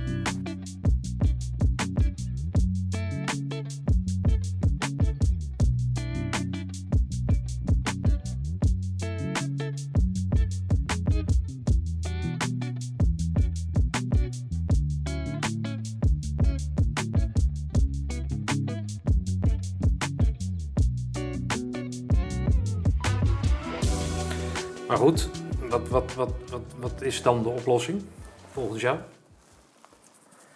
Nou, ik denk het feit dat ik meerdere keren al naar het instructiekader was gegaan om aan te geven dat ik dacht dat ik niet lekker in de groep lag. Daar hadden ze op zich iets mee kunnen doen natuurlijk. Ehm, ik denk dat dat niet gebeurd is omwille van eh, de belasting. De, de, de, de hoeveelheid instructie op een VCO, ja, die was niet groot. Dus die hebben echt niet tijd en ruimte om alle processen goed te kunnen begeleiden. Maar het liefst had ik wel gehad dat daar op, nou in ieder geval op ingegrepen was. En nu werd het een beetje ja, aan onze lichting zelf overgelaten. Zo van, ja, dat kunnen jullie onderling wel. Terwijl dat, ja, iedereen in zo'n VCO zit natuurlijk in een opleidingsomgeving. Dus iedereen moet het leren. Dus iedereen is ook gewoon nog best wel met zichzelf bezig. Ik denk dat het dan juist heel belangrijk is dat iemand van buitenaf zich met zo'n proces eh, bemoeit, om maar zo te zeggen. Maar ja, aan het einde van de VCO was bij mij ook de rekker uit. Dus had ik ook niet meer zoiets van, dit, ja, dit, dit we echt niet meer goed maken. Ehm, dus vandaar dat besluit van mij. Ehm, ja, ik ben toen eh, via via uiteindelijk bij een major gekomen. Eh, en die verwoordde het, vond ik wel goed. Want ehm, die gaf, in eerste instantie zou ik inderdaad vertrekken. Eh, en moest ik ook nog ondertekenen dat ik niet aan de kernwaarden voldeed van het Korps Commandotroepen. Omdat ik wilde stoppen aan het einde van zo'n opleiding. Ehm, nou ja, ik vond het op dat moment zwaarder wegen dat ik zou stoppen omdat, de groep, ja, omdat ik gewoon niet goed in de groep lag. Zeker met een uitzending eh, voor de boeg. Dus als ik daarvoor die kernwaarden moest ondertekenen, dat ik daar niet aan voldeed, dan dacht ik, ja, dan is dat de minst slechte oplossing, om het maar zo te stellen. Dus die heb ik ondertekend. Ik was het daar niet mee eens, maar ja, Maar wat is de consequentie dan als je dat ondertekent? dan hebben ze een stok om mee te slaan. Ja, oké, maar dat zou betekenen dat je je groene beret verliest? Of wat? wat? Ik, geen idee, Ah, dus ik denk het zou kunnen. Ja. Op dat moment maakte het mij daar ook niet meer uit, want ik, ik ben ja, die, die, ja, ik ben niet bij de commando's gegaan om die groene baret te kunnen dragen. Ik was daar vooral om het werk te doen van een operator. En ik geloofde daar op dat moment niet in dat dat veilig, in een veilige omgeving zou kunnen. Dus het was mij op dat moment meer waard om eh, ja, ja, te stoppen. Uiteindelijk kwam het een niveau hoger te liggen bij de major van de opleidingen. En ehm, die nam mij apart op zijn kamer en die zei: Volgens mij gaat het hier om pestgedrag. En toen eh, zei ik: Ja, inderdaad, dat klopt. Ehm, toen zei hij: Je hoeft geen namen eh, door te geven. Ik zei: Nee, dat ga ik ook niet doen, dat wil ik niet. Toen zei hij: Maar misschien kunnen we wel het zo afspreken dat je een half jaar het gaat pro- proberen bij een paraateenheid. Lees de 105 Commando Troepencompagnie. Eh, en dat we dan zorgen dat je in een iets veiligere omgeving terechtkomt. En dan kijken we het een half jaar aan en gaat het dan nog steeds niet lekker. Dan kun je wat mij betreft vertrekken. Of je hebt het wel naar je zin en dan kun je blijven. Maar hij zei, ik vind het nu zonde om het nu stop te zetten. En met dat plan ben ik eh, akkoord gegaan. En zodoende ben ik eh, bij de 105 terechtgekomen. Oké. Ja, Maar dat moet verdriet gedaan hebben, toch? Het zijn Ja. de kerels waarmee jij die ECO eh, volbracht hebt. ja klopt. Waar je eh, een groep mee vormt. En dan blijft die groep niet zo Ja. hecht te zijn als... Ja, nou, ik denk, ik, weet niet, ik denk dat heel veel jongens het niet zo ervaren hebben, omdat hun wel onderdeel waren van dat sociale, ja, dat sociale weefsel, waar ik in ieder geval niet bij hoorde. En dan beleef je zo'n opleiding natuurlijk heel anders. Ik hoorde daar niet bij, dus voor mij was dat lastig. Ehm, ja. Maar lag, lag het aan dat jij geen biertje dronk? Of, dat, of dronk je wel een biertje?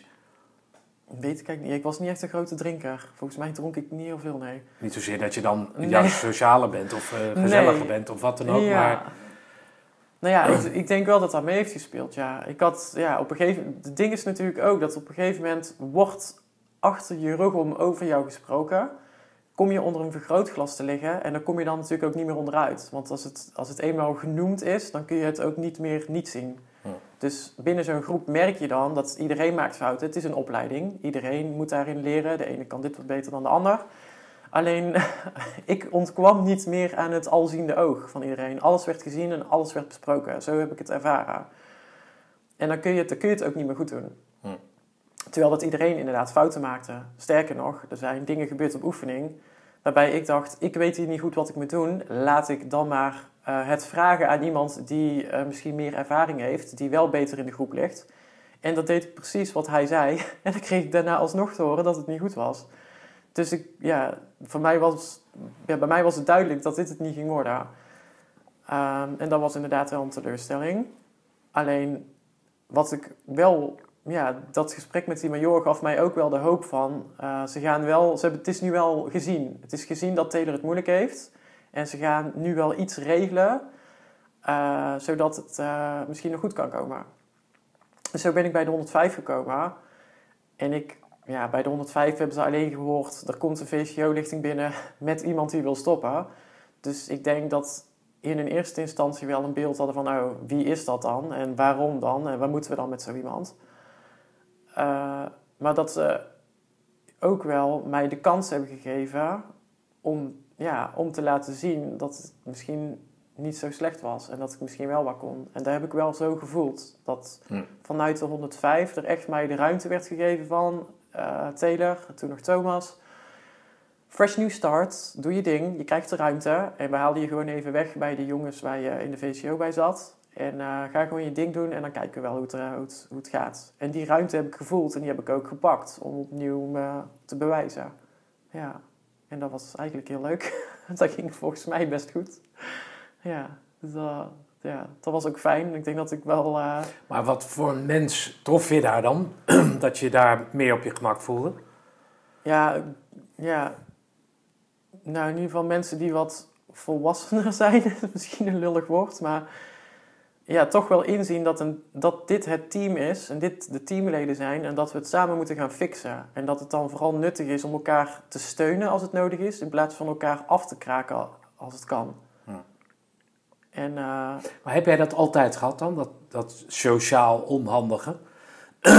nou ja, wat jij dan Ja. onhandig, ik weet niet, dat heb je nog niet gezegd, maar nee. heb je dat altijd in groepsgroepen gehad? Of Ik denk dat ik in de groep wel altijd een beetje moet aftasten, ja. Ja, ik heb in mijn jeugd ook wel meegemaakt dat ik er niet bij hoorde. En dat ik dat dan ook wel mocht voelen, ook eh, fysiek in mijn jeugd. Ehm, dus dat was, dit, in dit geval was dat niet anders. Hm. Dus ik dacht, oh ja, dit, daar is het weer, net als vroeger. Dus daar herkende ik wel. Dat ik gewoon, ja, ik, ik weet ook niet of het helemaal te verklaren is met, met het feit dat ik transgender ben en genderdysforie heb.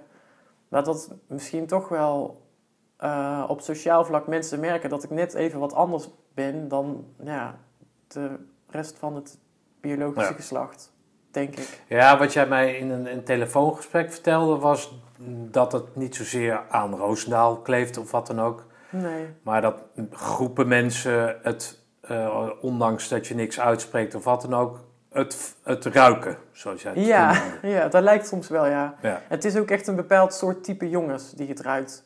Het is niet dat iedereen het ruikt. Met de meeste mensen kan ik denk ik best goed overweg. Maar er is een bepaald soort type man die bij mij ruikt van hé, hey, daar is wat. Eh, en daarna groeit het als een soort van virus uit in de rest van de groep. Hm. Ik denk namelijk dat een hele hoop mensen, zoals ze mij kennen, eh, best wel oké met me zijn. Eh, misschien een beetje vreemd, misschien een beetje anders, maar wel oké. Maar ja, kan daar helaas niet iedereen. ja, helaas ziet niet iedereen het zo. Nee, oké. Maar dat, je, dat ben je gewend. Ja, ja, ja, ja. Je ja. keek er niet van op dat dat... Je zei meer van, nou, daar heb je het weer. Dus Ja, je, je ja, hoopte ja. Dat, het, dat het over was, maar dat, dat, dat was dus niet zo. Nee, Dus het had in elke andere groep had het ook kunnen gebeuren. zeker. Ja, ja. Nee, ik heb dat vroeger op de sport ook gehad. Dat, eh, dat ik er ook niet bij hoorde. Ja, dat is vervelend lijkt me dat. Of wen je eraan? Ja, ja, ik denk inderdaad dat ik niet beter wist. Maar het is inderdaad ja, ontzettend vervelend. Dan voel je... eh, ik denk dat ik mezelf ook vaak beschermd heb door gewoon te doen alsof het er niet is.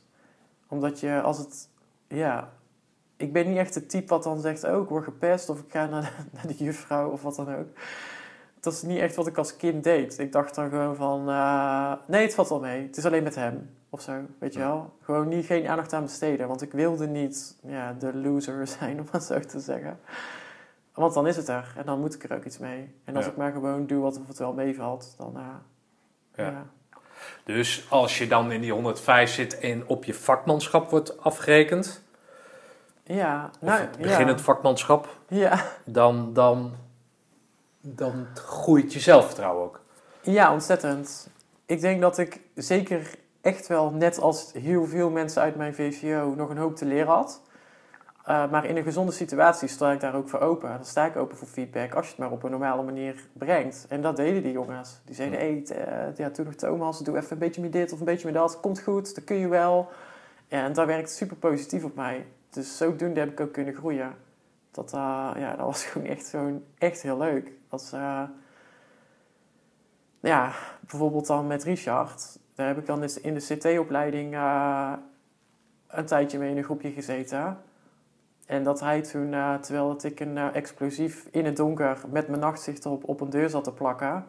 En dat hij dan over de, de radio tegen mij zegt: hey, komt goed, rustig aan, gaat je, gaat je lukken. Dan doet dat heel veel met mij. Want een half jaar daarvoor was ik nog eh, de sukkel van de groep. En nu spreekt iemand me bemoedigende woorden in. Dus daar, ja, daar groeide ik echt ontzettend. En daardoor denk ik ook dat mijn leerproces ook veel beter ging. Want ik kon me nu focussen op het leren. En ik hoefde me nu niet meer te focussen op het buitenbeentje zijn. Dus Ja. ik kon nu gewoon lekker gewoon, eh, in, een, eh, in een gezonde omgeving sponsen.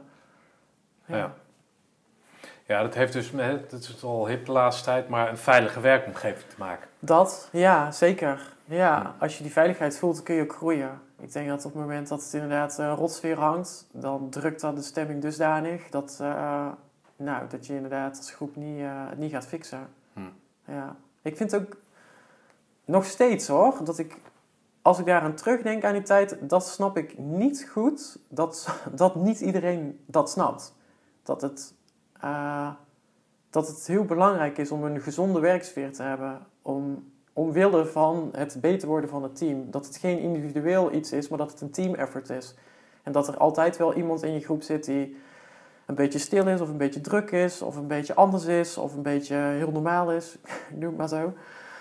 Ehm, maar dat, dat als je accepteert dat we toch echt allemaal onderdeel zijn van dat team en elkaar supporten, dat dat beter werkt dan eh, ja, negativiteit en allemaal maar wat van elkaar vinden. En eh, het hele concept überhaupt. Dat je iets van elkaar durft te vinden in een opleidingssetting. Ik zou dat overlaten aan de instructeurs. Ik denk dat dat een beter idee is dan dat je als groep zijnde vooral elkaar een beetje moet steunen. Dat. Ik denk dat dat wel eh, beter werkt. Ja. Oké. Even, hè, even wat anders. Even wat anders, daarom Ja. zitten, we, zitten we hoofdzakelijk hier natuurlijk. Ik kwam jou tegen op, eh, op LinkedIn. Mhm. En eh, eh, daarin eh, was de boodschap, die was vrij duidelijk, maar dat je erbij zit zoals je er nu bij zit, als vrouw zijnde. ja, ja, klopt. Neem eens mee in, in, in dat pad dan. Ja, alsof het Ja, een een of ander ja, ja, onderwerpje is, maar goh, hoe kwam het bij jou? Nee, maar, maar, maar ne- neem eens, dat, daar is een hele moeilijke term voor, die ik dus elke keer niet kan onthouden. Nee, ja, genderdysforie. Ja, en dat staat voor? Dysfoor zijn, oftewel ongemakkelijk zijn met je gender, je geboortegeslacht. Dus eigenlijk was ik ongemakkelijk met het feit dat ik biologisch een man ben. En dat is iets wat, eh, nou, wat, wat ik eigenlijk als kind wel af en toe mee worstelde, maar echt maar met momenten. En in de puberteit werd dat een ding. Ehm, iets waar ik ook niet met anderen over kon praten, merkte ik al wel snel. De meeste jongens uit mijn klas, die hadden daar geen last van. Dus dat werd een beetje een soort van geheimpje van mij. En ehm, eigenlijk mijn eind tienerjaren merkte ik wel dat ik daar steeds meer vond dat ik daar iets mee moest, maar ik wist niet zo goed wat. Dus ik had altijd een beetje van die gedaanteverwisselingen. En uh, nou ja, de ene keer uh, had ik mijn haren lang en dan toch maar weer kort. En uh, ik probeerde van alles. Zocht daar een beetje mijn weg in. Maar destijds wist ik ook nog niet goed wat het nou precies was wat ik had. Het is eigenlijk een tijd waarin er ook nog niet zo... Ja, tegenwoordig zijn transgenders bijna niet meer weg te slaan uit het straatbeeld. Maar dat was destijds nog niet. Um, maar ik heb daar zo geprobeerd een beetje mijn weg in te vinden. Maar wat je wel kon merken, dat is dat ik uiteindelijk een soort van, ja, hoe noemden we dat toen? Metroseksuele man was of zo. Uh, ja. Uh, Verzorgd. Ja, inderdaad. Wat zachter karakter, zachtaardige karakter of zo. Inderdaad, verzorgd. Lang haar had ik toen. Uh, ja, ik, ik... Gay? Ja, misschien wel, ja. Ja, zo werd Ik weet nog dat een jongen uit mijn vriendengroep destijds zei wow, die trui die je aan hebt is echt ontzettend gay. En dat ik daar echt een beetje gepikeerd van was. Want het was niet leuk bedoeld en dat kon ik wel merken. Um, maar ja, ik snap wel dat mensen mij soms lazen als gay inderdaad. Ja, dat denk ik wel. Ja. Het is te grappiger eigenlijk dat ik dan uiteindelijk in het leger terecht kom. niet dat gays daar niet, uh, niet zouden kunnen werken. Maar zo'n stoere baan bij de commando's voor iemand met een zachtaardig karakter die als gay werd uh, bestempeld. Ja, dat is misschien ook wel ja, een raar, ja, in ieder geval ja, een uitzonderlijk pad misschien of zo. Dat, dat, zo... ja, dat is het ook. Ja. Maar wanneer kwam dat, kwam dat naar boven dan? Wanneer, wanneer ging je daar aan toegeven? Jij vertelde mij dat in het, hè, het langdurige voorgesprek wat we hebben, is dat jij studeerde. Ja. Wat studeerde je ook weer? International Business. Ja, international business. Nou, heel veel mensen vinden dat te gek. Ik Alleen. Telen natuurlijk weer niet. Toen nog Thomas. Ja. Die vond dat eigenlijk helemaal niks, maar dat heb je wel doorgezet. Ja. Je hebt negen jaar gestudeerd met tussenpozen. Ja. Pa pauze. Ja. En uh, daarin uh, heb je het op een gegeven moment gewoon afgemaakt. Ja. En toen ben je zeg maar richting het leger gegaan. Ja. En daar heb je zeg maar het, het, het, het hele traject van, van, van de, de, verkenning zeg maar op dat gender zijn, Ja. transgender zijn, heb je stopgezet. Ja, ja, heel bewust. Eigenlijk was ik tot dat moment aan het groeien, denk ik inderdaad, naar iemand die uiteindelijk bij de psycholoog terechtkomt en zegt: Ik wil liever een vrouw zijn. Uh, maar destijds lag daar gewoon nog niet zo voor de hand en zat ik ook in een hele negatieve spiraal. En heb ik dus inderdaad besloten haar afscheren, mijn garderobe inwisselen voor iets anders en naar het leger. En heb ik dus mijn, nou ja, hoe moet je het noemen, genderzoektocht, om het zo te noemen, heb ik geparkeerd. En uh, met in eerste instantie de intentie om daar nooit meer naar terug om te hoeven kijken. Klaar met de discussie, ik ben uh, een man en ik ga commando worden en let's go. En je ziet dan eigenlijk dat dan uh, een paar jaar later, als ik eenmaal bij de 105 zit, en uh, ja, dat er toch weer iets meer rust of zo in mijn lijf komt, dat die discussie weer op gang kwam. Met jezelf? Met mezelf, ja. ja. Dat ik weer, uh, ja, na een oefening of na een uitzending terug thuis kwam en dat ik in de spiegel keek en dat ik dacht, uh, ik baal zo van mezelf dat ik ja, echt gewoon niet met mezelf kon zijn. Mezelf niet kon, niet kon zien of kon luchten. Omdat ik gewoon zo ongelukkig was met hoe ik eruit zag. Terwijl dat, ja, volgens mij denk ik dat, tenminste, ik heb het idee dat veel mensen mij zagen als een sportieve jongen met een sixpack. Wat dan denk ik niet per se slecht is.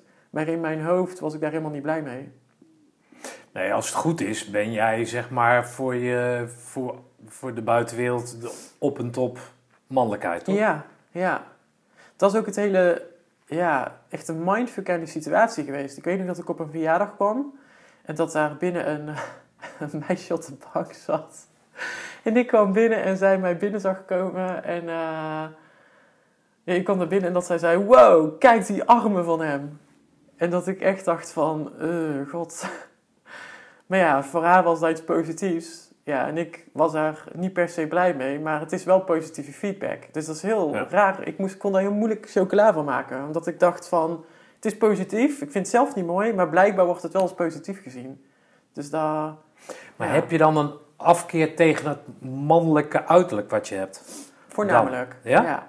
Het was vooral het, ja, het feit gewoon dat ik eruit zag als een man. Vond ik ontzettend moeilijk. De, het is hele, ja, eigenlijk echt esthetisch gezien een probleem. En als, op de tweede plaats vond ik het op sociaal vlak vervelend. Omdat ik, omdat ik eruit zie als een man en ook een man ben, ben ik dus ook lid van de mannenclub. En op sociaal vlak eh, ja, had ik daar wel moeite mee, denk ik. Ja, oké. En dan, dan gaat het over, zeg maar, dat, nou ja, plat, platte mannenpraat of zo. Ja, daar, ja. daar, nou ja, goed, dat sociaal is dat, daar, daar kan je niet in mee. Maar Ja. dat vooral dat esthetische van, van man, jij ziet je li- liever als een vrouw dan.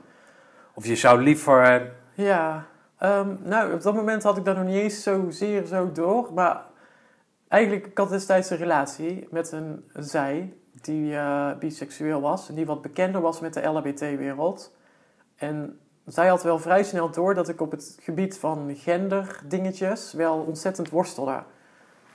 Eh, en dat zij, ik denk ook dat zij wel gezien heeft dat ik in het sociale vlak ook wel een beetje afwijk van het mannelijke gemiddelde.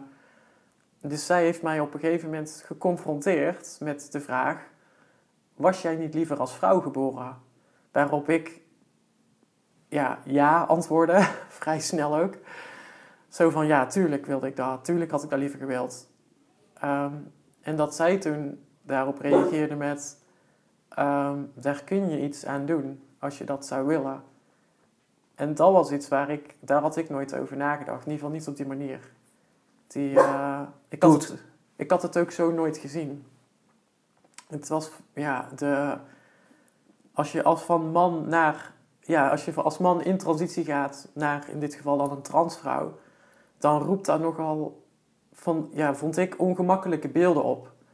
voor jezelf of... Ja, nou, hoe moet ik dat zeggen? Ja, als je het googelt, eh, transvrouw, eh, nou ja, noem het maar op.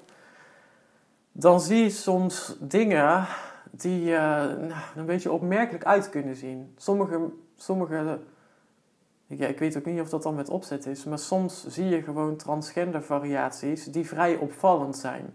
Waarvan je gewoon, ja, misschien zijn er mensen die ook graag in de picture staan. Dat weet ik niet. Maar op mij maakte dat een beetje de. Ja, ja, gechargeerd gezegd. Ik wil daar mensen niet mee voor het hoofd stoten. Maar een soort van de man in een jurk idee. Dat deed het bij mij oproepen. Ja. En ehm, dat wilde ik niet. Nee. Dat is niet. Ja. Het is als zoals mijn ex zei. Was je liever als vrouw geboren? Ja, dat is het. Ik wilde niet een man zijn in een vrouwenoutfit of een, ja, een, een rare verschijning waarvan mensen drie keer moeten kijken waarvan ze, eh, ja, om te snappen waar ze naar kijken. Nee. Dat, eh, Nee, maar als jij vrouw wil worden en je vindt dat mannelijke niet mooi, dan kan ik me voorstellen dat je niet een man in een jurk wil zijn. nee, Dat je dat. dus, dat, ja. dat, hè, dus wat je zegt van links ga je helemaal naar rechts of Ja. andersom. dat. Ja, ja. ja. dat wilde je. Ja, ja, het was inderdaad dat. Als het, als het, als het zou kunnen en er was zo'n zo'n lamp ergens in de woestijn waar je overheen kan wrijven en er komt zo'n blauwe man uit en je mag wat wensen doen.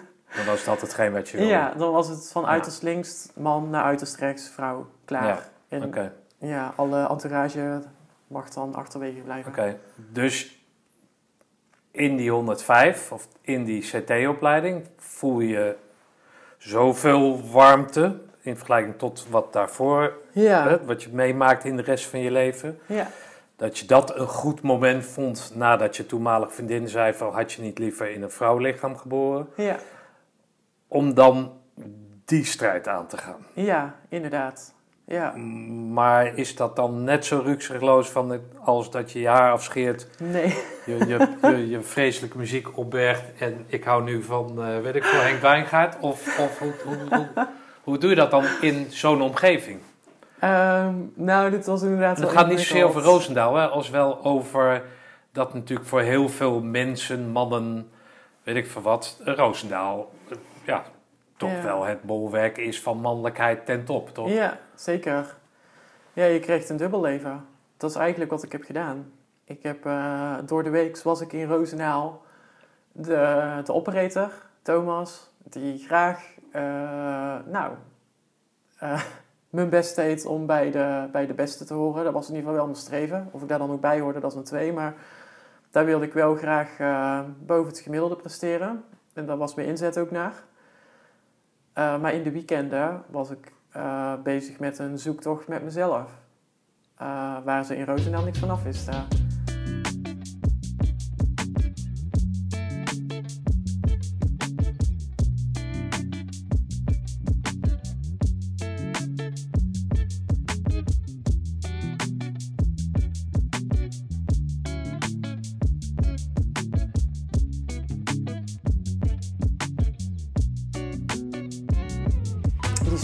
Werd ik door mijn relatie gelukkig in gesteund. Dus dat was fijn, daar konden we het ook over hebben. Wat ik heel bijzonder vond, want voor mij was dit een ontzettend beladen onderwerp... wat allerlei rare beelden opriep. Maar zij was daar heel erg ontspannen mee. Waardoor het ook de kans kreeg om te ontwikkelen. En ehm, aangezien ik qua zelfvertrouwen enorm eh, groeide in mijn baan bij de 105 merkte ik ook wel dat ik steeds meer durfde daarin. Dat ik ook wel, eh, ja, voorheen in mijn leven ben ik best wel onzeker geweest altijd. En nu kreeg ik positieve feedback op het werk van, hey, dit kun je goed en hier heb je gevoel voor en weet ik veel wat. Dan durf je thuis ook meer te proberen. Zo heb ik dat wel ervaren. En durfde ik ook die zoektocht op het gebied van gender wel aan te gaan. En ehm, in begin is dat, ja, in het begin ga je gewoon googlen. En kom je uit bij de GGD en kom je uit bij eh, een website over dit. En eh, ja, wat ik wel eigenlijk heel snel merkte bij mezelf is dat ik, dat, dat niet afdoende was. Ik wilde echt weten hoe het zit. Ik wilde genderdysforie snappen. Waar komt dit vandaan? Waarom heb ik dit? Hoe moet ik dit lezen? Ben ik dan een vrouw in een mannenlichaam of zit het anders? Ehm, dus ik ben zo een beetje die... eh, ja, de boeken ingedoken, boeken gekocht over genderdysforie, over transgenders, over het in transitie gaan. Wat zijn de risico's van een transitie? Waar loop je tegenaan? En ook, hoe ontstaat dit? Nou, de wetenschap is daar nog niet helemaal over uit, hoe dit precies ontstaat. Maar waar het op lijkt, is dat er eh, in de prenatale ontwikkeling voor de geboorte... dat er een teveel of een tekort aan testosteron is in de baarmoeder... waardoor het brein niet goed vermannelijkt en daardoor vrouwelijker blijft. En hoeveel vrouwelijker, dat, ja, dat weten we niet. Maar daar zit waarschijnlijk iets van een clue, om het dan even wetenschappelijk te kunnen onderbouwen. Ehm, en ik, Is het wetenschappelijk onderbouwd of denken ze? ja, er zijn onderzoeken gedaan op ratten en muizen. Waarbij ze dus inderdaad tijdens de prenatale ontwikkeling een teveel of een tekort aan testosteron kweken. Waarna je dus inderdaad ziet dat een ratje of Ja. een muisje meer eh, vrouwelijk, vrouwtjesgedrag vertoont. Of juist meer mannetjesgedrag Ja. vertoont. En het mannetjesgedrag maakt vooral territoriaal, eh, aanvallend eh, of sterk verdedigend. En het meer vrouwelijke is meer het zachtaardige, het meer zorgende. Eigenlijk iets wat ik inderdaad wel, denk ik, een beetje in heb. Dus toen dacht ik, oké, dan is daar misschien iets aan de hand. Ehm, en dat dan in combinatie met het gevoel, ik zit niet lekker in mijn lijf. Ik heb liever dat het lichaam vrouwelijk was in plaats van mannelijk. Toen dacht ik, ja, hier zit wel, dit is wel te verklaren, denk ik, op deze manier. Ehm, en toen kon ik er ook een beetje in berusten. Ik had die, die uitleg had ik wel nodig. Ik hoor wel eens transgenders zeggen, nee, ik ben gewoon een vrouw. Dan denk ik, nou, als je je bloed laat testen, dan eh, kom je er snel achter dat heel jouw biologie man is. Ja, of andersom natuurlijk. Maar in mijn geval is mijn biologie is man. Ik ben daar niet, ja, moet ik dat zeggen? Ik ben daar niet eh, delusional in of zo. Eh, ik heb XY-chromosomen. Heel mijn biologie is mannelijk. Maar ik heb wel ergens, is er iets in mijn ontwikkeling gebeurd, waardoor dit voor mijn brein in ieder geval iets anders ligt. Ehm, en dat geeft psychisch last. Ontzettend. En dan is het de vraag of je daar iets aan wil doen door in transitie te gaan.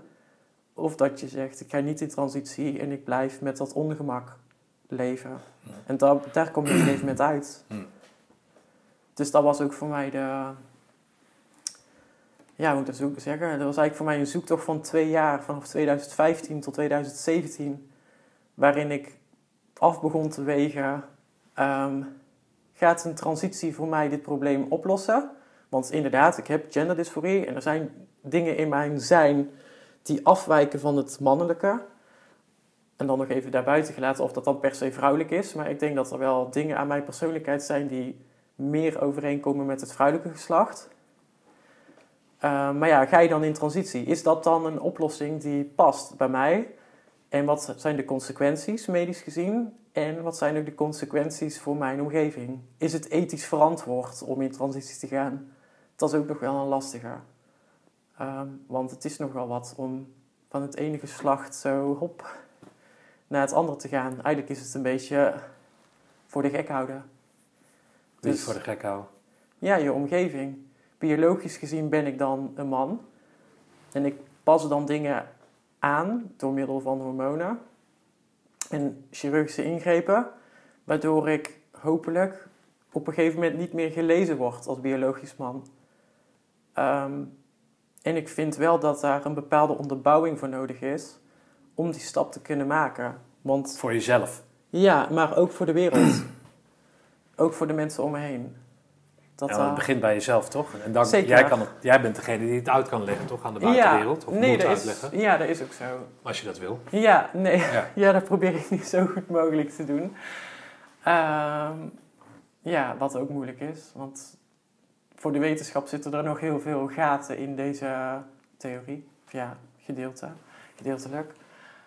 Um, maar um, toen ik heel die zoektocht had gedaan en al die boeken had gelezen en vooral heel veel wetenschappelijke artikelen. Dus het zijn veel onderzoeken die eigenlijk in de afgelopen 10, 20 jaar gedaan zijn. Toen had ik wel zoiets van, oké, ik heb nu dermate veel aanknopingspunten dat ik denk, dit kan ik uitleggen. Op de eerste plaats aan mezelf en op de tweede plaats aan mijn omgeving. En dan is het ook, ja, dan is het nog steeds een afweging, ga je wel of niet in transitie. Maar op dat moment besluit ik, ja, ik denk inderdaad dat ik in transitie ga. Dat, uh, ja, wetende, zo moet ik het eigenlijk uitleggen. Ik wist vooraf aan mijn transitie dat hoe graag ik ook wil van, om van uiterst links mannelijk naar uiterst rechts vrouwelijk te gaan, ik ga nooit een vrouw worden. Dat is iets wat ik moest accepteren. Je wordt een transvrouw, geen vrouw. Want mijn biologie is nu eenmaal mannelijk. Dus ik zal moeten accepteren dat ik ergens tussen waar ik nu sta en het vrouwelijke uitkom. En waar dat precies komt, waar ik precies uitkom, dat weet ik niet. Dat is maar net hoe de hormonen vallen en hoe de chirurgische ingrepen uitvallen. Hm. Dus dat was ook wel een soort van sprong in het diepe, omdat ik niet helemaal wist. Ja, wat heet sprong in het diepe? Ja. ja. het is gewoon echt ontzettend moeilijk, eigenlijk. Want, je... Want het, is, het is niet zo dat je het eerst probeerd hebt. Ik ben helemaal niet thuis in die wereld. Hè? Dus, met, dus het is niet dat je eerst probeerd hebt. Goh, hoe zou het zijn om in een jurk te lopen? Ik heb dat wel geprobeerd, maar vond ik echt verschrikkelijk. Ja, dat maakte het niet makkelijker. Toen dacht ik echt, nee, hier is toch niks van te maken.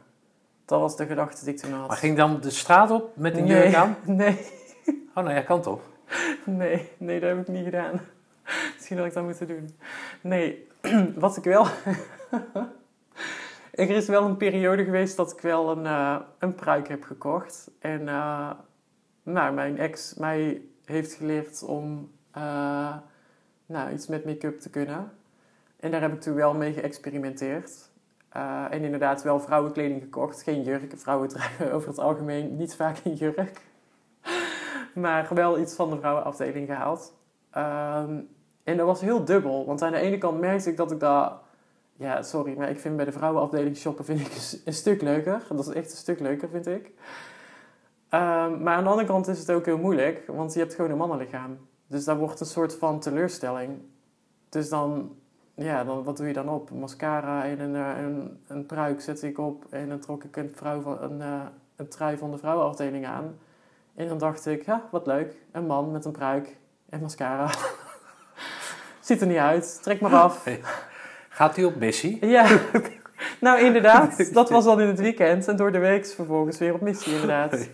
Dus dat is natuurlijk ook een ontzettend rare situatie. En ik merkte ook dat ik daar niet goed aan kon wennen. Dat, uh, Maar ja. even jou onderbrekend. Maar die ex-vriendin heeft daar dus een hele duidelijke rol in dat setje op dat pad gegeven. Ja, zij heeft me wel getroost. Hoe moet je dat doen als iemand... Want dan heb je een driedubbel leven of zo. Ja. Zou je moeten hebben. Ja. Zij gaat boodschap doen, jij trekt haar jurk aan.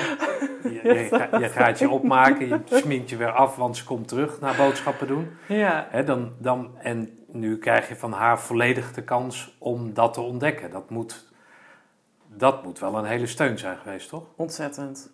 Ja. Ja, dat heb ik er ook later wel gezegd. Van, dat ik daar echt heel fijn vond. Dat ze daar zo... Zij ging daar zo normaal mee om. Ja, Terwijl dat, dit is echt super raar. Ja. Dit vind ik ook als transgender. Dit is ontzettend ingewikkeld. En zij was daar heel supportive in. ja. Het is ontzettend mooi dat ze dat zo eh, wilde, wilde doen. Hm.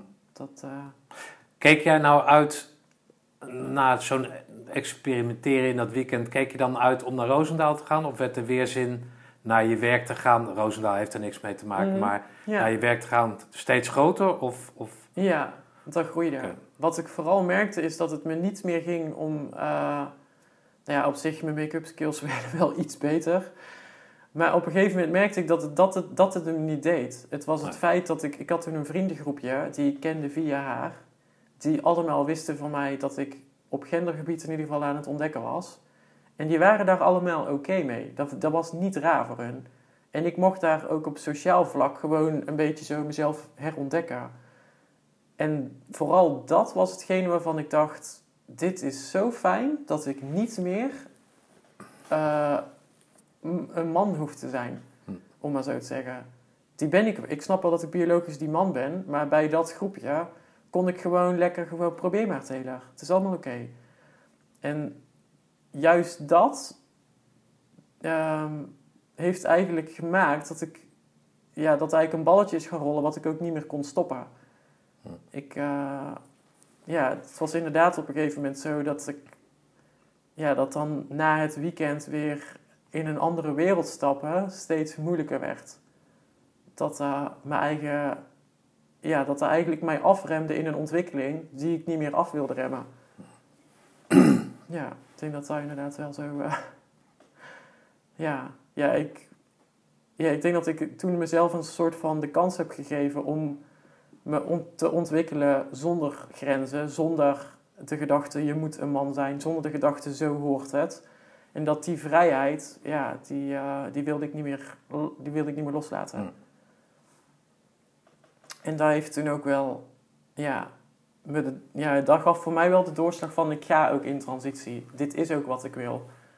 Wetende dat ik eh, altijd biologische man zal blijven. Wetende dat ik, ja, dat ik niet, niet kan inschatten waar ik uitkom. Maar alles beter dan de rest van mijn leven die man moeten zijn. Hm. Dat, We weten dat je dat doet, hè, kan doen. Nogmaals met het afsferen van lange Ja. haren eraf op dienst in. Ehm, dan, dan vertel je, dan zeg je dus van die bal is aan het rollen en die kan ik niet meer stoppen. ja, Maar je zit wel in een werkomgeving die daar nog niet van op de hoogte is. Ze ruiken het, hè, volgens jou. ja. Hoe, hoe, hoe- hoe- ja. Ja, ik, er waren destijds wel jongens waar ik privé ook mee omging. En ik denk wat hun wel zagen, was dat ik op het werk die ontzettend fanatieke operator was, die heel graag excelleerde in werk. Maar dat ik eenmaal in een privé setting, ja, wel een beetje veranderde. Dat ik, eh, nou, wat losser, meer ontspannen, meer in mijn hum uh, meer durfde toe te geven aan mezelf zijn. Niet zozeer in het malletje heteroseksuele man die militair is hoefde te passen. Maar dat ik daarin een soort van, nou ja, toch wel iets anders was. En dat dat niet per se meteen gelezen is als zijnde eh zweeft ergens op het genderspectrum, maar wel anders. Ja. En ehm, daar is later denk ik wel bijgekomen dat mensen zijn gaan denken, zou toen nog Thomas misschien gay zijn, iets in die richting. Dat denk ik wel, dat mensen daar wel zijn gaan denken. En ja, uiteindelijk ben ik dan uit de kast gekomen als zijnde ja, trans en ik ga in transitie. Hoe, Ja. hoe ging dat dan? Ehm, nou ja, ik had op een gegeven moment de knoop voor mezelf eh, doorgehakt om in transitie te gaan. Het doel was in eerste instantie om te stoppen met werken in Roosendaal. Omdat ik, daar te- ik, zag, ik voorzag te veel problemen ehm, als ik zou blijven. Dus ik dacht, ik stop, dat is de weg van de minste weerstand. Dus dat was aan het... Toen zat je al in 105. Ja, ja, ja. Ja, Toen zat, ja dat was 2017. Ja. Toen zat ik eigenlijk, eh, nou, laten we zeggen, op mijn op, op mijn piek bij de 105. De, ja. En ehm, toen heb ik eigenlijk besloten, ik stop ermee en dan ga ik in transitie. En eh, ik zou samen met mijn relatie toen een nieuw huis kopen. Hele andere vibe. Nieuw leven. Ik zag het, zo had ik het gepland. Die relatie ging echter uit. Ehm, ja, waardoor ehm, ja, waar ik, de persoon waar ik alles mee deelde, eh, ja, dat ging niet meer. Dat was klaar. De vriendengroep die ik had, die allemaal wisten dat ik in transitie zou gaan, die viel daarmee ook weg. Dus toen viel eigenlijk alles als een soort van kaartenhuis in elkaar. Dat ik dacht van, oh, eh, shit, hoe doe ik dit? Ook omdat ik toen alleen de hypotheek moest gaan betalen, kon ik ook niet stoppen met mijn werk. Dus ja, ik had geld nodig om die hypotheek te betalen. Dus toen heb ik mijn transitie uitgesteld en eh, heb ik het verhaal geparkeerd. Ben ik wel uit de kast gekomen bij mijn familie, ehm, december 2017. Wat wel eh, moeilijk was, want die wisten dat niet. Die wisten denk ik wel dat er iets met me was, maar ja, dus dat was ook ehm, ja, wel een best wel een stap in dat proces. Eh, en tegelijkertijd ben ik eigenlijk als een soort van bezetene workaholic in Roosendaal bezig geweest. En heb ik met tanden in allerlei projecten gezet. Om maar even ja, weer niet bezig te hoeven zijn met hoe moeilijk die situatie was. Dus ik ben toen ook veel, volgens mij heb ik toen twee, ja, twee sporen noemden we dat dan bij de 105. Dat je met twee verschillende projecten tegelijk bezig bent. En eh, zo probeerde ik eigenlijk een soort van, ja, niet wetende wat ik moest doen, te vluchten of zo in mijn werk. Ehm, ben ik uiteindelijk ook eh, op uitzending gegaan, weer. En al voor, voorafgaand aan die uitzending heb ik het toen de eerste collega verteld. Die eh, heb ik toen tijdens een, ja, een uitje waar, we met z'n, eh, met tweeën toch een paar weken op elkaar aangewezen waren, heb ik hem voorafgaand verteld, dit is wat er speelt en dit is eh, wat ik van plan ben. En ik ja, deelde dat graag met hem, want ik had een goede band met. En hij leek me ook wel een persoon die hier, nou, die, die dit wel, hoe moet ik dat zeggen, die dit niet zou afkeuren. Die wel oké mee om zou gaan. En dat deed hij ook. Dus dat stelde me ook wel gerust of zo. Kwam volgens mij ook niet helemaal uit de hoge hoed bij hem. Ehm, dus ja, dat was eigenlijk de eerste stap ehm, in heel dat proces. Nou, vervolgens op uitzending gegaan. En toen ik terugkwam van die uitzending, toen, ja, eigenlijk op uitzending al merkte ik dat het, dat het niet meer goed lukte. Ik was eigenlijk toen echt overwerkt. Ehm, er zat veel te veel in mijn hoofd. Ik had ontzettend moeite met alles. Ehm, wat denk ik nog niet door iedereen gezien werd. Ehm, op uitzending heb ik nog een jongen in vertrouwen genomen. Heb ik ook verteld over mijn genderdysforie.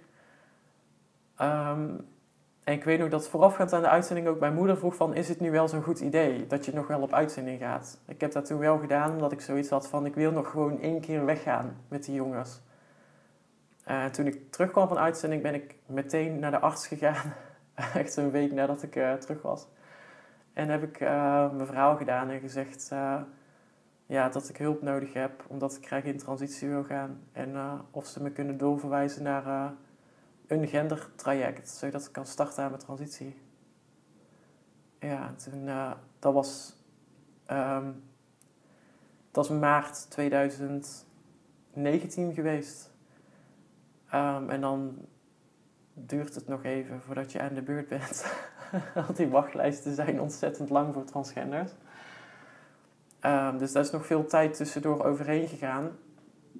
En in die tussentijd is er bij mij thuis ook nog een en ander gebeurd. Mijn ouders zijn gaan scheiden. Ehm, en daar heeft van allerlei dingen gedaan ook. Ehm, waar ik om privéredenen niet helemaal over uit ga wijden. Maar het is, uh, was een lastige tijd. Ik had natuurlijk zelf die relatie die dan een jaar uit was. Dus er speelde, psychisch speelde er veel in mijn leven. Um, dus toen heb ik op een gegeven moment ook wel hulp gevraagd bij de arts. Van, is, kan ik niet naar de psycholoog? Omdat ik merk dat ik het niet meer trek. Het gaat niet meer. Ik weet niet meer hoe ik dit moet ik weet niet meer hoe ik op mijn benen moet blijven staan. Hm. En uh, ja, die hulp heb ik ook wel gekregen, gelukkig. Maar daar, ja. Ja. Maar gedurende dat, die, die moeilijke dingen die je aan het overwinnen was, ondergaan bent, ja. blijft het werk gewoon doorgaan? Ja, ja wat ik wel. Um, eigenlijk toen ik terugkwam van mijn uitzending uit Afghanistan, merkte ik dat ik, dat ik echt leeg was. Dat ik echt niet meer kon. Dat de hele gebeuren te veel had gedaan met me. Um, dus toen heb ik um, met mezelf afgesproken. Ik blijf nog operationeel in de ploeg tot het zomerverlof. Uh, juli 2019. En dan ga ik overstappen naar de compie-staf op een staffunctie omdat ik het onverantwoord vond naar de jongens toe om uh, als operator in een ploeg te zitten als er zoveel in je hoofd zit. Ja. Ja. Ja, die jongens die... Uh, en ik heb het ze niet verteld. En die verdienen het ook niet. Nee. Ik moet wel kunnen leveren. En als ik daar niet meer 100% vertrouwen in heb, dan, dan stop ik. Okay. Dus ja. Maar niemand voor de rest binnen het korps, leiding niet, behalve die arts, wist van jouw voornemen om in transitie te gaan? Ik heb het in maart 2019 ook gedeeld met mijn toenmalige ploegcommandant. En ik denk één of twee maanden later heb ik het gedeeld met uh, mijn kompiescommandant. En vlak voor het zomerverlof heb ik het gedeeld met de korpscommandant. Ja, om hun ook uh, nou, in ieder geval mee te nemen in wat er mogelijk ging gebeuren. Dat, het, uh, dat iedereen. Maar even voor de beeldvorming, je blijft er op dat moment uitzien als een man. Ja, ja. Dus niet dat je. Nee, ik zat toen nog niet aan de hormonen. Nee, oké. Nee, nee, het, uh, eigenlijk. Uh, even kijken hoe is dat gegaan. Ja, zomer toen 2019. Toen ben ik daarna begonnen op de compiestaf. En toen ben ik wel begonnen al met uh, laseren, haar, ha, baardhaar verwijderen met laserbehandelingen. Um, ik heb mijn haar toen, ben ik toen wel langer laten groeien. Ik heb toen volgens mij nog een haartransplantatie ook gedaan. Ja, ik heb toen mijn haarlijn laten ja, aanpassen, dat die minder mannelijk was. Hoe ziet dat eruit dan? Ja, mannen, mannen hebben op leeftijd nog wel eens wel inhammen. Dat kan in ieder oh, geval.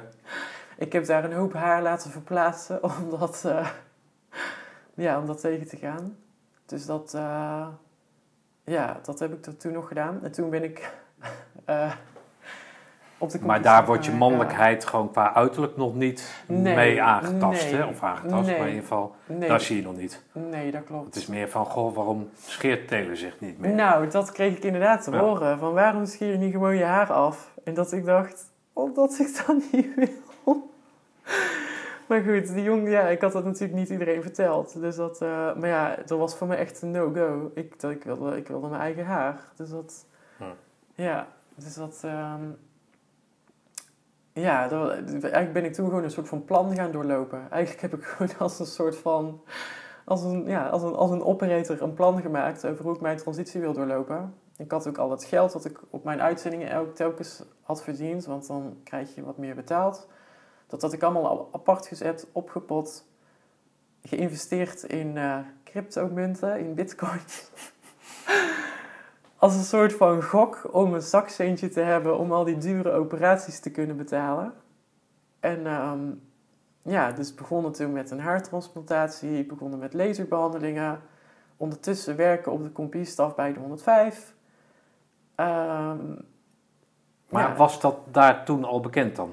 Nee, maar ik denk, wat hun denk ik wel, ja, wat hun wel opgevallen moet zijn, denk ik, tenminste, mij viel dat heel erg op. Op een gegeven moment was mijn stoppelbaard weg. Ja. Ik zou zeggen dat dat best bijzonder is. Ik heb daar nooit iemand over gehoord. Maar ik dacht wel van, het moet toch, iemand moet dit toch gaan zien. Eh, maar ja, dat, nee, ik had wat langer haar en ik zag er denk ik zo'n beetje af en toe, ja, dan zie je er al snel een beetje rommelig uit, om het zo te zeggen. Een beetje verstrooid ook wel misschien, maar daar kreeg ik niet echt veel feedback over. Dat viel eigenlijk wel mee. Ik denk wel dat iedereen het gezien heeft, maar niemand benoemde het in mijn gezicht. Hm. Maar ik denk wel dat mensen echt wel eens opgevallen dat, dat daar een soort van gedaanteverwisseling plaatsvond. Maar eh, ja, ja, toen, ehm, toen is het, eh, even kijken, ik denk dat het, eh, wanneer is dat dan geweest? Ik denk dat wij in 2019 of zo nog op oefening zijn geweest in Amerika volgens mij. Of 2020 misschien of zo, ik weet het niet precies. 2020 misschien.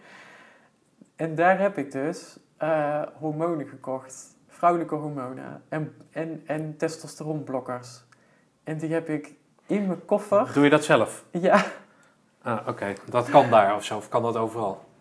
eh, nou, eigenlijk is het volgens mij daar ook niet helemaal volgens de regels. Maar eh, ja, volgens mij, dit is volgens mij in de zomer van 2019 gebeurd. Toen hadden we een schietoefening in Amerika. En ik heb daar bij mijn oom, die woonde in Boston, en wij waren in de buurt daar, heb ik daar die medicatie laten bezorgen.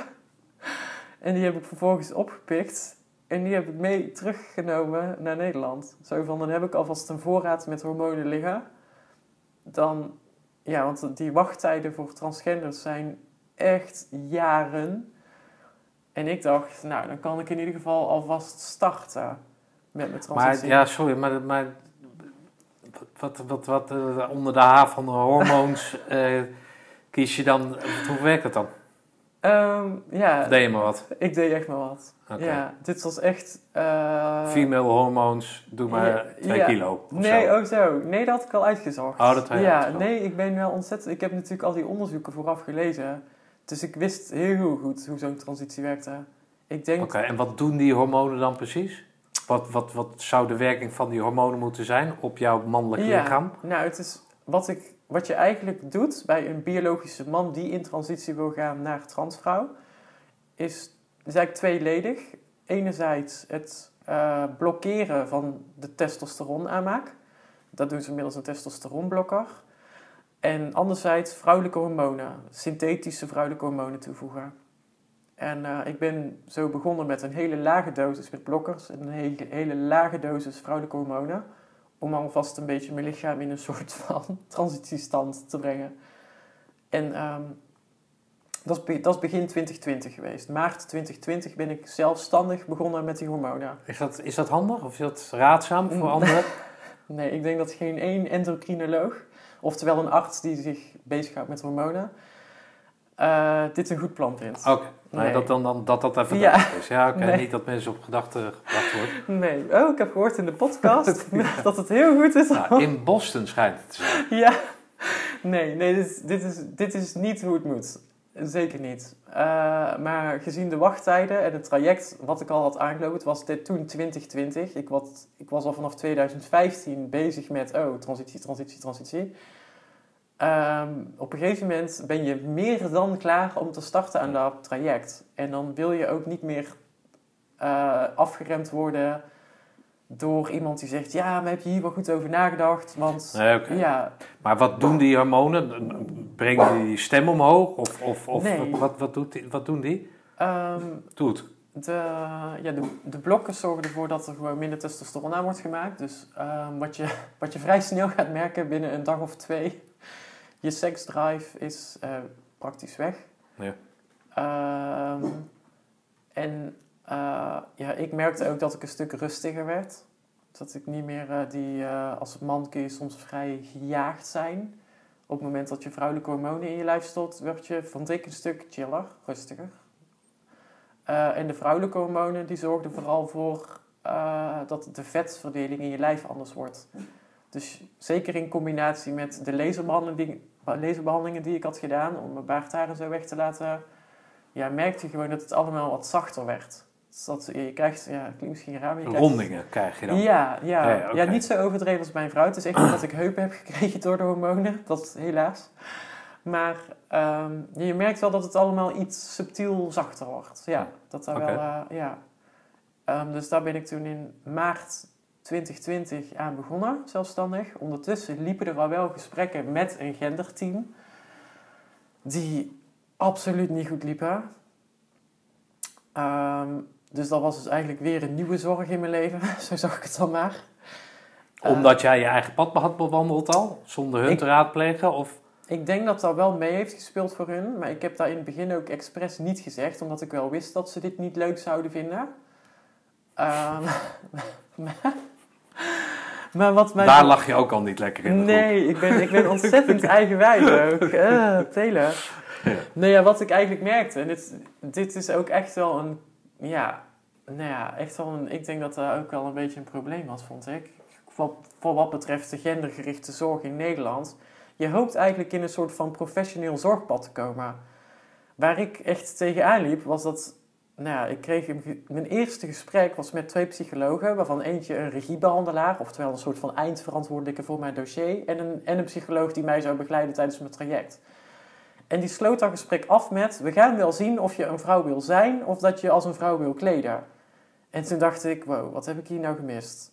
Want me als een vrouw kleden, dat had ik aangegeven, dat is niet wat ik wil. Ik wil niet een man in vrouwenkleding zijn. En anderzijds een vrouw wil zijn. Dacht ik, maar ik ben biologisch een man. Dus ik kan het, het ik kan het best een transvrouw worden. Dus ik had echt het idee, jullie hebben niet naar mij geluisterd. En naarmate die gesprekken vorderden, merkte ik ook dat ze niet goed luisterden. Dat het, ja, voor hun was het echt een soort van alles of niets verhaal. Nee, je wil een vrouw worden. Dan ook, eh, hup, naar de vrouwenafdeling. En iedereen vertelde dat je vrouw wil zijn. En dat je vanaf nu als een vrouw door het leven gaat. En er werd een soort van, voor mijn gevoel in ieder geval, gepusht om heel erg geforceerd in één keer in je leven alles 180 graden om te draaien. En een soort van, nou ja, een soort van eh, vrouwelijkheid om je heen te bouwen. En hoe overdrevener, hoe beter. Dat is een beetje hoe ik het begreep. Terwijl het, ja, dat noemden ze dan de real-life fase. Terwijl dat ik tegen die psycholoog zei, nou mijn leven is al eh, ja, destijds 35 jaar ontzettend real. Dus ik denk dat ik dit niet nodig heb. Maar wat ik wel heel fijn zou vinden is als jullie me doorverwijzen naar een endocrinoloog. Want die goedkeuring had ik van hun nodig. Zodat ik niet meer mijn hormonen uit Amerika hoef te fixen. Maar dat ik die gewoon bij de apotheek op kan halen. Zodat ik weet dat het veilig is. En dat ik gewoon de hormonen hun werk kan laten doen. Want het lijkt mij heel ongezond om hier nu in één keer heel geforceerd... Nou, onder andere naar Roosendaal te gaan. Inderdaad, in een jurk. En te doen alsof ik een vrouw ben. Want dat koopt niemand. Ik zelf niet eens. En dat kochten hun niet. Dat, dat werd echt door die psychologen eh, heel... Ja, die vonden dat heel raar dat ik daar zo in was. En eh, dat was eigenlijk een soort van... eh, Maar die snapt ook niet, wist, waar die gewaar van het feit dat jij in zo'n wereld zat, waar je, waar je toen in zat? Ik heb daar wel aan hun verteld dat ik militair was bij het Korps Commandotroepen. Snapte daar helemaal niks van. Hm. Nee, die, dat was echt no bells ringing. Ik weet nog dat die psycholoog op een gegeven moment tegen mij zei... Ja, ja, ik kom toen net uit mijn werk. Was ik toen de covid-tijd en zo. En eh, ik had, wel- volgens mij had ik gewerkt in een capuchon trui of zo. En dat ik... eh, dat was allemaal via Skype. Want we mochten, mochten elkaar niet zien, want corona. En dat hij zei... Ja, ik zie het niet bij je, Taylor. En dat ik zei, ja, wat zou je willen zien dan? Want ik zit, ja, ik zat toen aan een hele lage dosis hormonen die ik zelf net een maand geleden had gekocht. Ik zei, wat wil je dan aan me zien? Toen gaf, gaf hij letterlijk aan van ja, bij de meeste transvrouwen zien we in het uiterlijk dingen. Zeg, ja, maar dat is nou net het probleem, zei ik. Dat ik heb een probleem met mijn lichaam en niet met mijn kledingkast. Dus dat... Maar ja, daar heb ik eigenlijk een soort van mijn eigen transitietraject mee eh, ondermijnd. Want ja, na een paar maanden aanmodderen met eh, deze ontzettende club psychologen, werd ik eh, nou, eh, vriendelijk verzocht om een eh, nieuwe kliniek te zoeken. Hm. En eh, ja, ging mijn hele transitie bij hun in ieder geval niet door. Wat betekende dat ik bij een nieuwe kliniek in de rij moest. En die rij is daar drie jaar. Dus dat was wel een beetje een domper.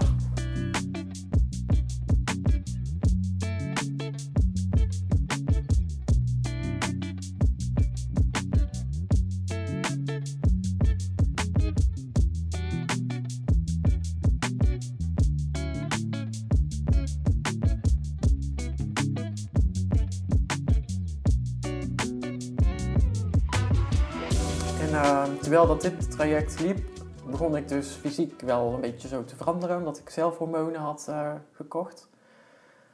En toen dacht ik van ja, T, dit is wel nu het moment om op het werk te gaan vertellen waar je mee bezig bent. Want ja, je verandert nu fysiek wel dermate.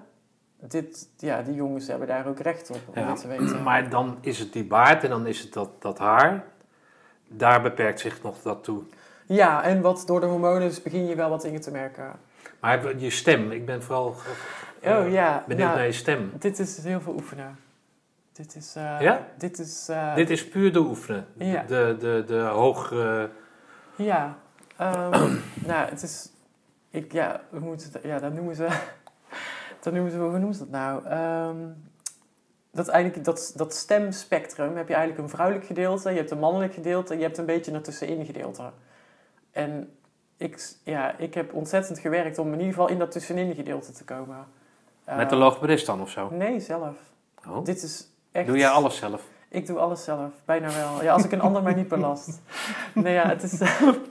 ik heb letterlijk, voordat ik 's ochtends naar Roosendaal reed, eh, stond ik 10 minuten eerder op om even 10 minuten mijn stem te oefenen. En ook uit het werk weer mijn stem te trainen. Elke dag deed ik dat, 's ochtends en 's avonds.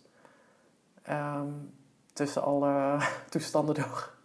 Maar dit was iets wat ik gewoon heel graag Dus wilde. als jij je nu consulteert, kan je ook weer de Thomas-stem opzetten? Nee, dat lukt me niet meer. Oh, dat lukt niet meer? Nee, ik dat probeer dat wel eens, maar ik weet niet goed hoe ik dat, hoe ik dat moet doen. Maar, nee. Oh, dat is op zich, of, of op zich, dat is knap dat je dat dan... Maar ja, dat is dat willetje wat je hebt. toch? Ja, dat is ja. echt de wil in mij. Ja, Ja, oké. ja, ja. En, maar dat, dat, dat traject liep toen ook. Dus die jongens op Ja, het werk oké. hebben echt wel gezien...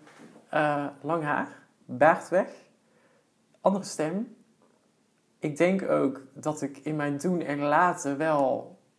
Nou, ik, de, hoe moet ik dat zeggen? De kaders die ik altijd heb gevoeld als zijnde operator, hier moet ik binnen zijn, die waren nadat ik op de compiestaf was gekomen, waren die kaders wat mij betreft weg. Dus ik was ook niet meer bezig met ik moet de KCT operator, bla bla bla, bla. Nee, toen was het van doe maar gewoon, doe, doe maar Taylor. Laat het maar gaan. Ontwikkel Dat je- zei je tegen jezelf. Ja. Niemand zei dat tegen jou, behalve Nee. dat jij dat tegen jezelf ja. zei. En dan moet hun Fuck ook it, Ja. ga het gewoon doen. dat. Ja. En ik denk dat dat hun ook opgevallen moet zijn. Ja, dat, ik, dat, dat, ja, ja. tuurlijk. Ja. dat, dat. Zijn toch waarnemersverkenners? Of, eh, Ja, ja, dan mag je hopen. dus ja, ik denk dat, eh ja, dat we op een gegeven moment ook wel zeggen van, nou, hier is wat aan de hand. Dus toen had ik met mijn... mijn ja, ja, het is dus dan een beetje een pijnlijk gedeelte aan, het, eh, aan mijn hele coming out. Maar ik had met mijn compiescommandant afgesproken, laat mij dat nou per team vertellen. Ja, een ploegje van de honderd, per ploegje, een mannetje of 6, 7, 8. Dan kan ik met die jongens in dialoog. Dan kan ik hun uitleggen wat er met me speelt, waarom ik in transitie ga. Dat het niet zo heftig allemaal hoeft te zijn als dat je misschien gewend bent van de tv. Dat het wel mee gaat vallen. En dat als je er nou, vragen over hebt of wat dan ook, dat we het daarover kunnen hebben. Eh, laat me dat doen en zet me vooral niet in de filmzaal op het podium neer. Dat vroeg ik aan mijn commandant. Nou, vlak voor het zomerverlof het was me gelukt om in ieder geval één team apart te spreken. Die hadden een oefening waarin ik meedeed in het scenario. Dus daar heb ik na afloop, ik was volgens mij iemand die ze moest eh, oppakken of zo.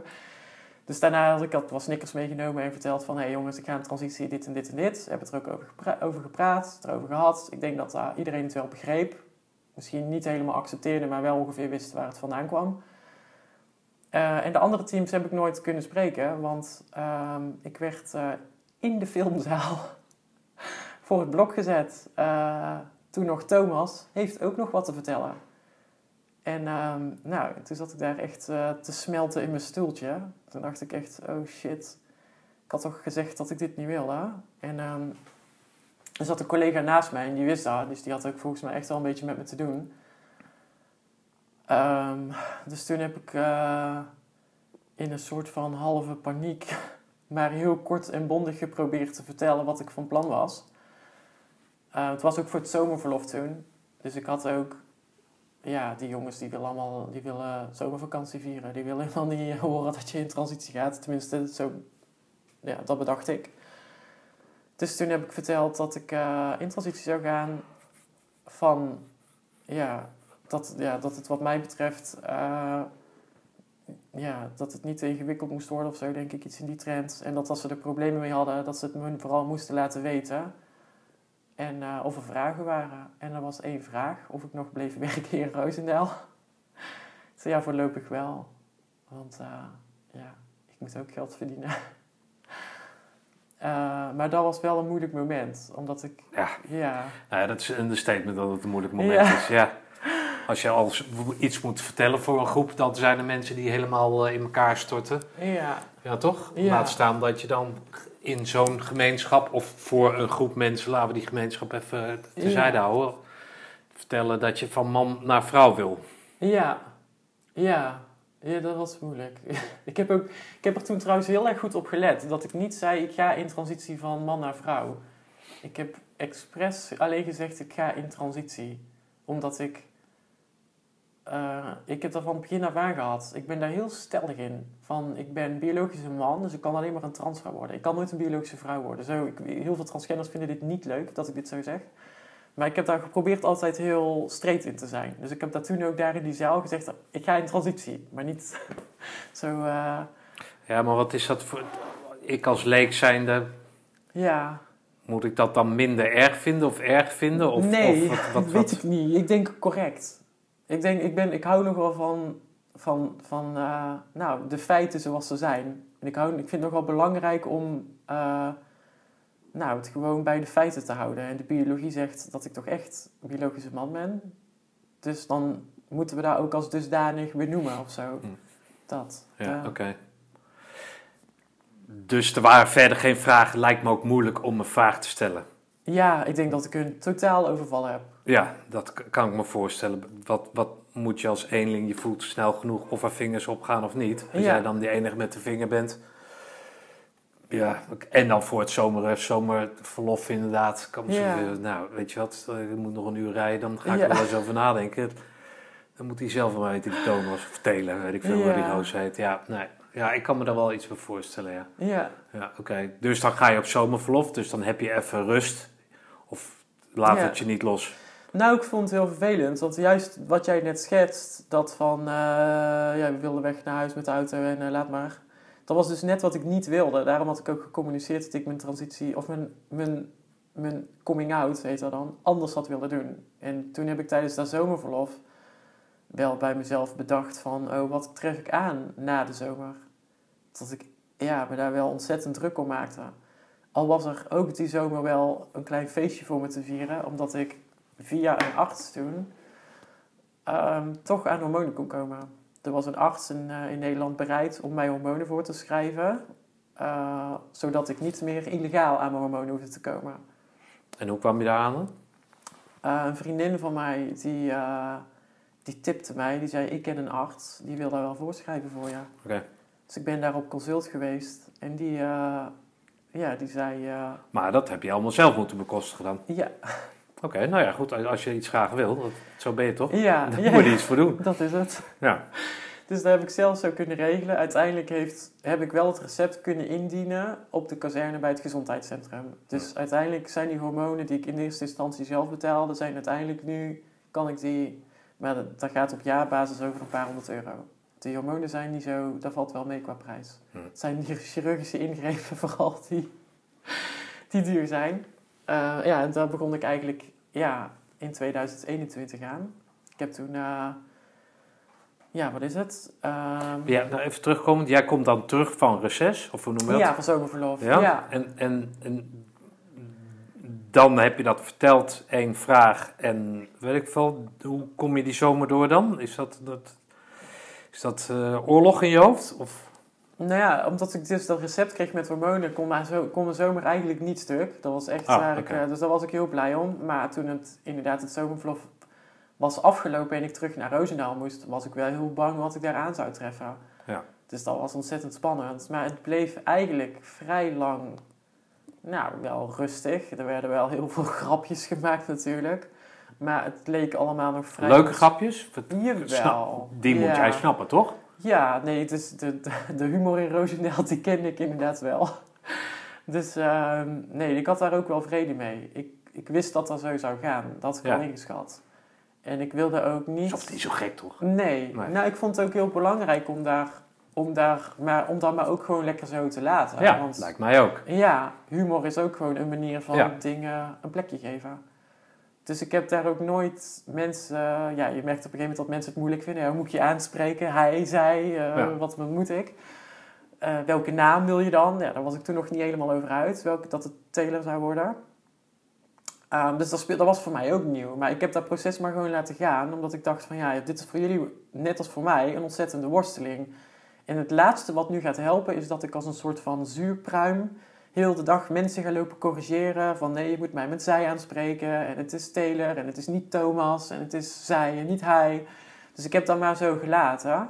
Ja. Maar ondertussen schoof ik op het genderspectrum wel op. Want de dosis hormonen die was inmiddels naar een volwaardige dosis gegaan. En dan begin je wel, ja, wordt het wel zichtbaar. Wat is dan zichtbaar? Want het... Ja, dan, ja. Je, je merkt gewoon wel echt dat eh, de vetverdeling in je, in je gezicht daadwerkelijk verandert. Mijn haar werd ook langer. Ja. En niet dat dat per se... eh, eh, vrouwen met kort haar kan ook. Maar alles bij elkaar maakte wel... Oeh ja, joh. Ja, nou, ik benoem het toch maar even. maar je merkt wel dat daar, dat daar wel veel dingen nu gebeurden. En dat dat voor sommige jongens wel, denk ik, weet ik niet, ik heb ze er nooit over gesproken, maar ik denk wel dat er steeds meer jongens waren die dat moeilijk vonden.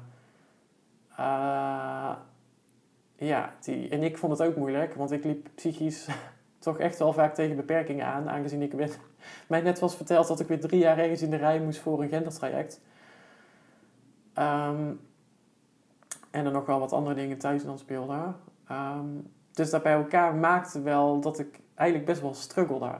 Maar ik wilde op het werk niet dat het, dat het escaleerde. Dus ik had altijd zoiets van, laat maar gaan, laat maar gaan. Hm. Grapjes is oké. Maar zo rond de kerst 2020, overgaan naar 2021, merkte ik wel dat ik echt eh, niet meer onderdeel van de groep was. Dat ik... eh, ja, er was wel echt een kloof aan het ontstaan. Ik hoorde Niet zo dat- gek, toch? Nee, nee, ik denk dat het ook. ehm, nee, helemaal niet. Ik denk ook dat dat, niet anders kan. Dat, dat- ik denk ook dat ik daar zelf ook. Ja, ik, ik, ik gedroeg me ook niet meer als de jongen die ik, wat ik me, zoals ik me daarvoor had gedragen. Dus dat maakte ook dat ik daar weer vanaf groeide.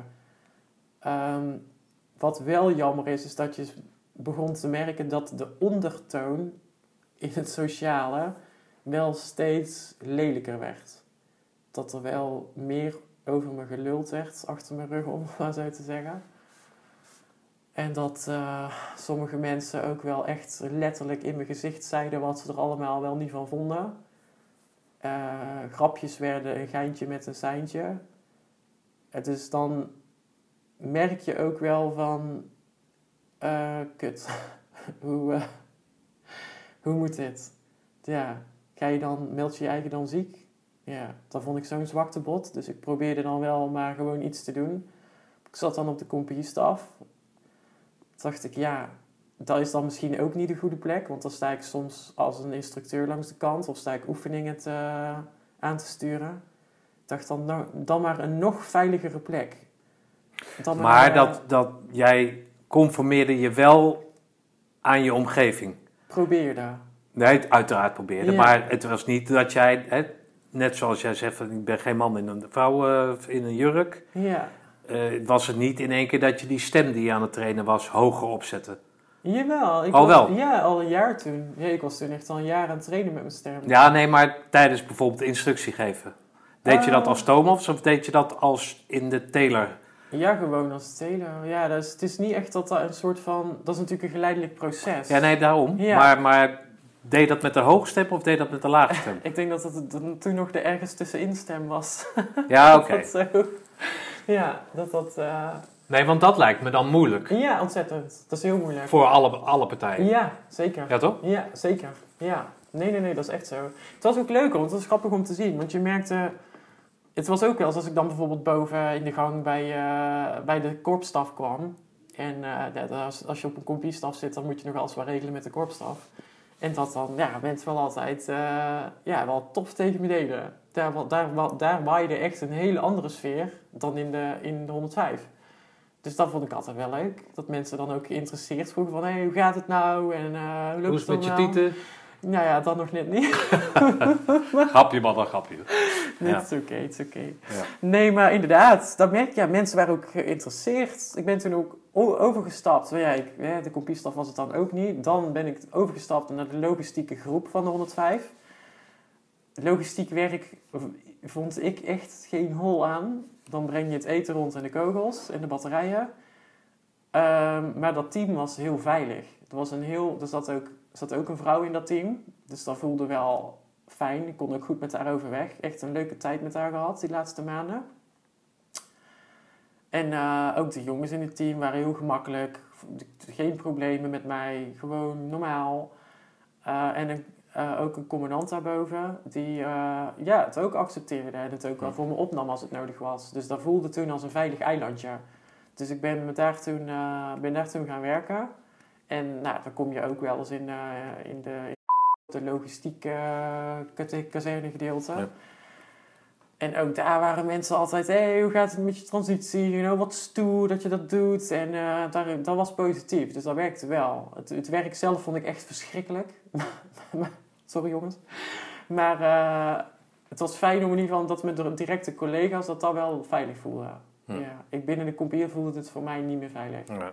Dat, eh, Maar op een gegeven moment is dat dus ook niet voldoende voor jou dan, hè, qua rust of qua, qua nou ja, Nou. gelijkmatigheid van weet ik veel. ja, Het- Je voelde je niet op je. Nou, het was niet zozeer dat de plek niet veilig was, als wel dat jij gewoon niet meer ja. in, volgens jou in dat ding paste. Die Ik- werkomgeving. Ik heb eh, in februari, nee, wat is het? Maart. Maart 2021 heb ik mijn gezichtsoperatie laten doen. Dat maakte echt een ontzettend verschil. Dat, als een, ik had best een mannelijke kaaklijn. Als die eenmaal weg is en je voorhoofd wordt wat ronder gemaakt en je haarlijn wordt nog wat aangepast. ehm, daarna is, is er geen mannelijkheid meer. In ieder geval niet, dan word je in eerste instantie gezien als een vrouw. Dat merkte ik ook echt in mijn normale leven. Dat het, er was, voor mensen die mij niet kenden, was er geen twijfel meer. Hm. Jongen af. Ja, ik zie jou nou alleen maar als vrouw, hè? Ja, ja, Ja. ja. Terwijl dat... ehm, ik denk dat dat voor heel veel mensen zo werkte. Dat, je, dat na die operatie iedereen zag van... Oké, dit, dit is geen man meer. Nee. Ja, dat liet je ook. Ik vond dat een hele heftige foto, maar ook heel sprekend en ook Ja. heel dapper. Hè, Dat je, dat je dus, eh, nou, zoals ik je nu heb leren kennen, er ook alles aan doet. Ja, uiteraard. ja, toch? Zeker, ja. Niet van, nou, nu heb ik geen snor meer, dus nu ben ik vrouw. Nee, Je nee. bent dan, zeg maar, Ja. met enig geluk en, eh en eh, dinges met die bitcoins, Ja, hè, eh, heb je het zelf weten te financieren, maar dan ga je ook all the way. Dus Ja, dat, dat is iets kenmerkend voor jou. inderdaad. ja, Maar dat vond ik een hele heftige foto waarin Is heel duidelijk werd van, nou, ja, als ik het doe, dan doe ik het goed. ja. Het was ook heel heftig. Het is ontzettend pijnlijk geweest. En eh, het herstel was ook al ingewikkeld. En het was inderdaad duur. Maar ik wist wel van deze... Het is trouwens ook niet zonder risico, die operatie. Ja, ik heb uiteindelijk ook een hersteloperatie gehad. Ehm, maar die- dit was voor mij wel een essentiële stap. Als ik Hm. dit niet zou doen, dan bleef altijd dat mannelijk in mijn gezicht zitten. En dat wilde ik niet. Had je zo'n mannelijk gezicht? Want ik heb Ja. één foto van jou gekregen, maar daarin ben je volgens mij gecamoufleerd, soort helm op en dat, dat zo'n Mm. dingetje. Ik weet niet eens hoe het ding heet, zo verrekijken. ja. En ehm, dan, ja, ik weet niet of, dat nou, of ik daar nou iets vrouwelijks uit haal, maar het was niet een, een supermannelijk gezicht. Nee, Het- nee. het heeft ja. nog wel de trekken van... Jawel. van hè? Ja, het lijkt een beetje alsof ik een soort van zusje van eh, mijn oude ik geworden. Gelukkig. Ja. Dat er ook nog wat van mezelf Maar wat, is. hebben ze dan, wat heb je dan precies... Wat, Ja, Hebben ze jou daarin geadviseerd? Of zei je zelf van ik wil zus en ik wil zo? Ja, nou, hun doen, je komt inderdaad op consult. De, de chirurg zelf doet een advies over wat die kan betekenen voor jou. En jij geeft dan zelf aan welk, welk gedeelte van dat advies je opvolgt. Daar ben je vrij in. En ik heb bijna alles opgevolgd op één ding na. En dat was een liplift. Omdat ik bang was dat het te onnatuurlijk zou worden. Maar wat ik wel heb laten aanpassen is... eh, er is een best wel heftige kaakoperatie geweest. Mijn kin is gereduceerd. Eh, mijn neus is twee keer zelfs gecorrigeerd. Mijn kaak trouwens ook twee keer. Eh, mijn voorhoofd is ehm, gedeeltelijk losgezaagd, opnieuw in vorm gebracht en vervolgens teruggeplaatst met botcement. En Godsamme, joh. Oké. ja, dit is echt een hele heftige operatie. Ja. Botcement, dat is een soort lijm wat ze dan van gemalen botten maken. Ik denk het, ik weet het niet, maar het is inderdaad om bot weer terug te plakken op ja, ja, schedel. oké. Dat moet, moet, dat, doet, ja, dat doet pijn dus. Ja, dat doet ontzettend veel pijn. Ja. Ja, nee, dat eh, was heel ongemakkelijk. Eh, maar wel nodig, vond ik. Dus ik had het er ook voor over. Ehm, en Kan je dan nog afdingen van, eh, nou Doc, je zegt 29, ik zeg eh 25. Had ik moeten doen. Stom van mij. Nee, maar werkt dat zo? Of ik heb geen idee. Hij heeft mij volgens mij wel... Hij heeft mij later... Want ik heb later... Ik heb een tweede operatie nodig gehad. Er was namelijk een ontsteking ontstaan... die ik waarschijnlijk in Roosendaal heb opgelopen. Eh, maar daar heeft hij me korting op gegeven. Oké. Ja, dus dat was heel tof. Ja. Dus ja, het is wel vrij prijzig allemaal. Maar goed, ik had, eh, ik had inderdaad in bitcoins geïnvesteerd, dus ik kon het betalen. Ehm, en daarna begint dan een soort van herstelproces. eh, heel veel zwelling die dan weg moet trekken. En toen kwam ik weer terug in Roosendaal. En dat was, ja, toen, toen werd het echt problematisch. Ja, nou dat kan ik me voorstellen. Ja.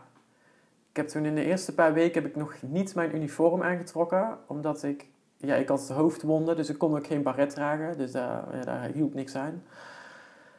Ehm, maar eh, na een paar weken waren die hoofdwonden dicht. En toen eh, nou, dacht ik dan eh, mijn GVT aan. Want dan maak ik het pak van de baas vies in plaats van eh, mijn eigen kleding. En volgens mij binnen 24 uur was ik apart genomen en hoorde ik nou ja, via de verwarmingsbuizen dat dit toch wel ontzettend ingewikkeld was voor een aantal mensen. En ja, toen was eigenlijk datgene wat ik had geprobeerd te voorkomen, dat gebeurde toen. toen was ik een probleem geworden. Ehm, dus ja, toen heb ik, eh, Ja, ja, ja oké. Maar als ik even van dat voorning denk, hè, dan is dit echt van rechts naar links, toch? Want je, je, je bent niemand aan het pleasen. jawel. Wie, Ja. wie ben je aan het pleasen dan? Eh, jij, komt, jij komt als een ander mens terug op de, op de Ja. kazerne. Ja, Nou, dan is dat toch het tegenovergestelde van pleasen. Want als jij wil pleasen, zou je dat nooit doen. nee. Zou je nooit, hè, dus je, je, je, je laat in alles laat je zien dat je de, de, de rest van de kazerne niet aan het pleasen bent.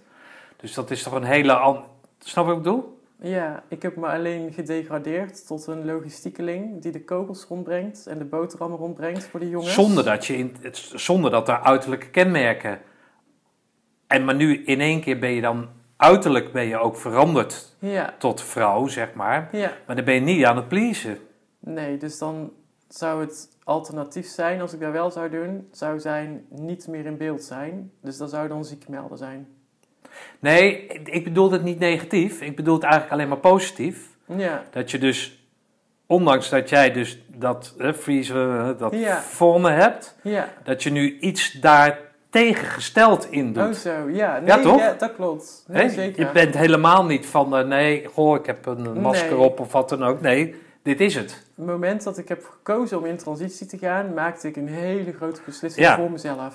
Ja. Ja, dit was echt voor mij en voor mij ja. alleen. En voor, voor, voor de rest van de wereld, daar had je op dat moment geen boodschap aan. Ja, wel boodschap aan. ja, maar, je, deed het, je Ja. deed het voor jezelf, toch? Ja, nee, Ja, dat dus- zeker. De Dus dat is toch, heel, mij. dat is toch een, een, moet een overwinning zijn voor jezelf, toch? Ja, Of zag zeker. het niet zo? Ja, ja. Oh, wel, oké. nee, dit, dit, dit was voor mij precies wat ik wilde. Ja, Zeker. ja, Ja. dat is toch mooi? Ik vind dat mooi. Ja, Ja, de- ja, die kogels, iemand moet die kogels rondbrengen, nou niet gaan klagen. nee. Nou ja, het ding is natuurlijk wel dat ik... Ik durf best wel te zeggen dat ik mijn transitie... eh, nou, ontzettend terughoudend heb aangelopen... ten opzichte van hoe andere transgenders dat binnen Defensie doen.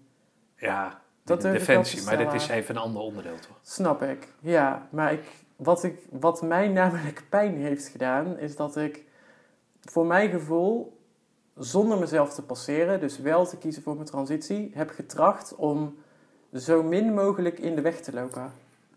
Ja. Oké.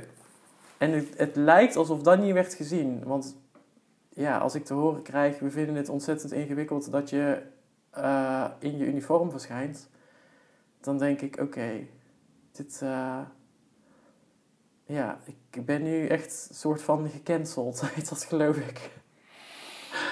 Eh, ja, ja. Alleen, ik denk dat we het vaak genoeg tegen elkaar hebben uitgesproken, is dat jij dat als beste begrijpt. Ja.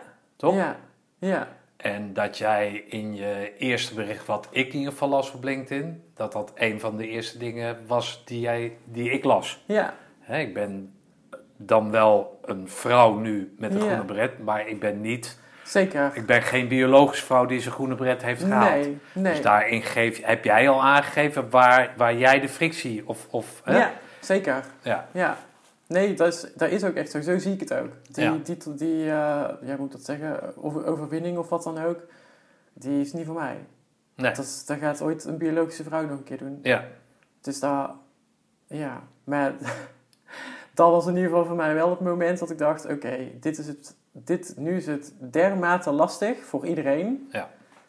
eh, dat, het groot, dat het probleem groter is geworden dan ik, kan, dan ik aan kan of zo. Hm. Dus ik ben daar eigenlijk meteen mee naar mijn baas gegaan en ik heb daar verteld, dit is wat er speelt in de groep. Ehm, wat gaan we hiermee doen? Nou, dat wist hij ook niet. Hij stelde nog wel voor, misschien kun je een andere kleur baret opzetten.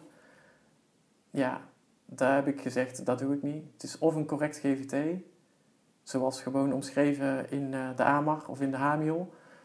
Of het is geen uniform, maar we gaan geen eh chocolade variant verzinnen, omdat het toevallig Nee, goed de uitkomt. en wat- zijn dat? Het, handboek voor militairen. Ah, oké. dus ja, daar staan gewoon kledingvoorschriften in en daar houden we ons gewoon Ja, aan. oké. En ja, dus ik vond het ook raar dat hij daarvoor stelde. Maar ik denk dat hij het ook moeilijk vond. Tenminste, dat weet ik wel zeker. Anders had hij er denk ik wel op ingegrepen, want dat heeft hij niet gedaan. En toen heb ik zelf nog, heb ik zelf besloten, ik trek mijn pak uit. Want dan escaleert het niet. Ik vroeg me ook echt af, wat zijn de risico's als ik het wel aanhoud? Ik voelde me namelijk niet veilig. Word ik dan dadelijk hier in elkaar geslagen of zo? Dat zijn wel dingen die dan door je hoofd gaan. Ehm, en daar heb ik volgens mij een week volgehouden. En toen heb ik muziek gemeld. Hm. Omdat ik merkte, dit kan ik niet meer. Nee. Ja. Ja, het lijkt me ook niet te doen. Nee, ik had het veel eerder. Nee. Ik, had me, ik had me veel eerder ziek moeten melden. Nou ja, dat, dat hoor je mij niet zeggen, maar dat, dat, dat zal dat, dat gedrevene van jou zijn, wat je ook commando heeft gemaakt natuurlijk. Ja, toch? Waarin jij daar dan voor jezelf niet wil opgeven. Dat. Ja. Ja. Je wil ook faciliterend aan de groep blijven. Ja, Het is niet dat ik het leuk vond om die boterhammen rond te brengen, maar je wilt toch iets voor de compagnie blijven betekenen. ja. Nou, dat kenmerkt jou toch? Dat is toch mooi? Ja, ja. Het is alleen, ja, wat ik zo jammer vind is dat, het, dat ik had het leuk gevonden als iedereen dat zo had gezien. Maar ik denk dat een heel groot gedeelte dit wel heeft gezien van de jongens. Die echt al hebben gezien van, oei, Taylor heeft het moeilijk. En hoe gaat het nou met haar? En me ook wel echt gewaardeerd hebben om het feit dat ik het nog zo lang heb volgehouden. Maar aan de andere kant is het, dus het ook pijnlijk, omdat ik ook heb gezien dat er een gedeelte is die dat niet kocht. En dat doet dan toch pijn. Dan denk je toch van ja, Ja, nou, dat, ja, dat kan ik me voorstellen. Maar ja. Ja, Maar goed, toen in ieder geval eh, ziek, stopt. Nog een gesprek gehad met CKCT. eh, waarin we van alles besproken hebben, maar niks bijzonders. En eh, toen had ik wel zoiets van, oké, klaar hier. Op naar eh, een nieuwe plek. Hm. Ja, en dat werd bedrijfsmaatschappelijk werk in Utrecht. oké. Als? Nou ja, in principe werk ik bij bedrijfsmaatschappelijk werk, bedrijfsmaatschappelijk werkers, maar dat was ik niet. Dus ik ben daar ook heen gehaald, zo van, kom eerst maar weg uit Roosendaal, even op een plek zitten waar je even kan afkoelen. En dan kijken we vanuit daar wel verder, hoe het, hoe het met, je, met je gaat. Dus onder dat mom ben ik ook daar eh, binnengekomen. Ja.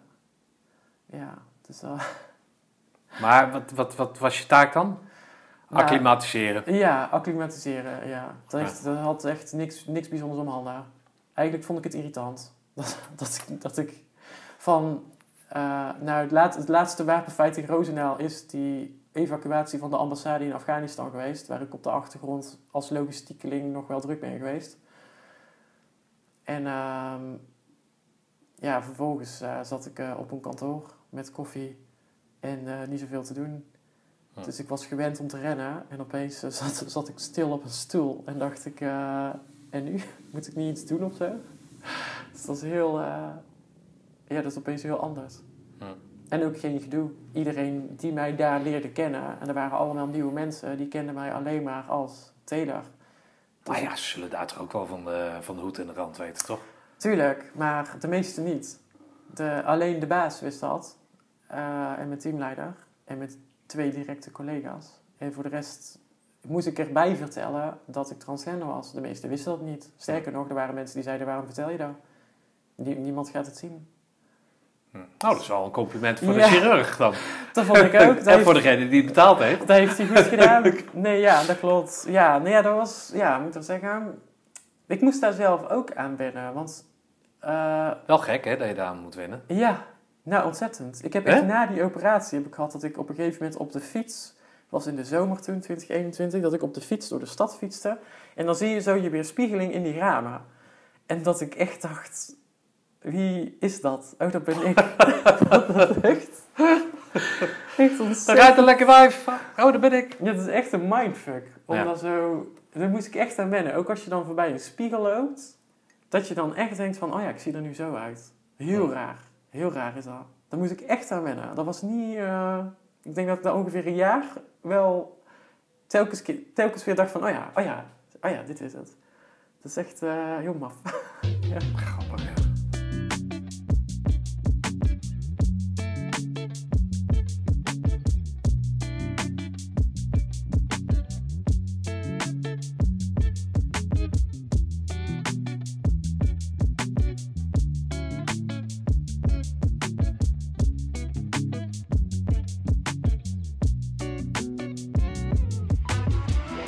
Jij zit nu thuis, Taylor.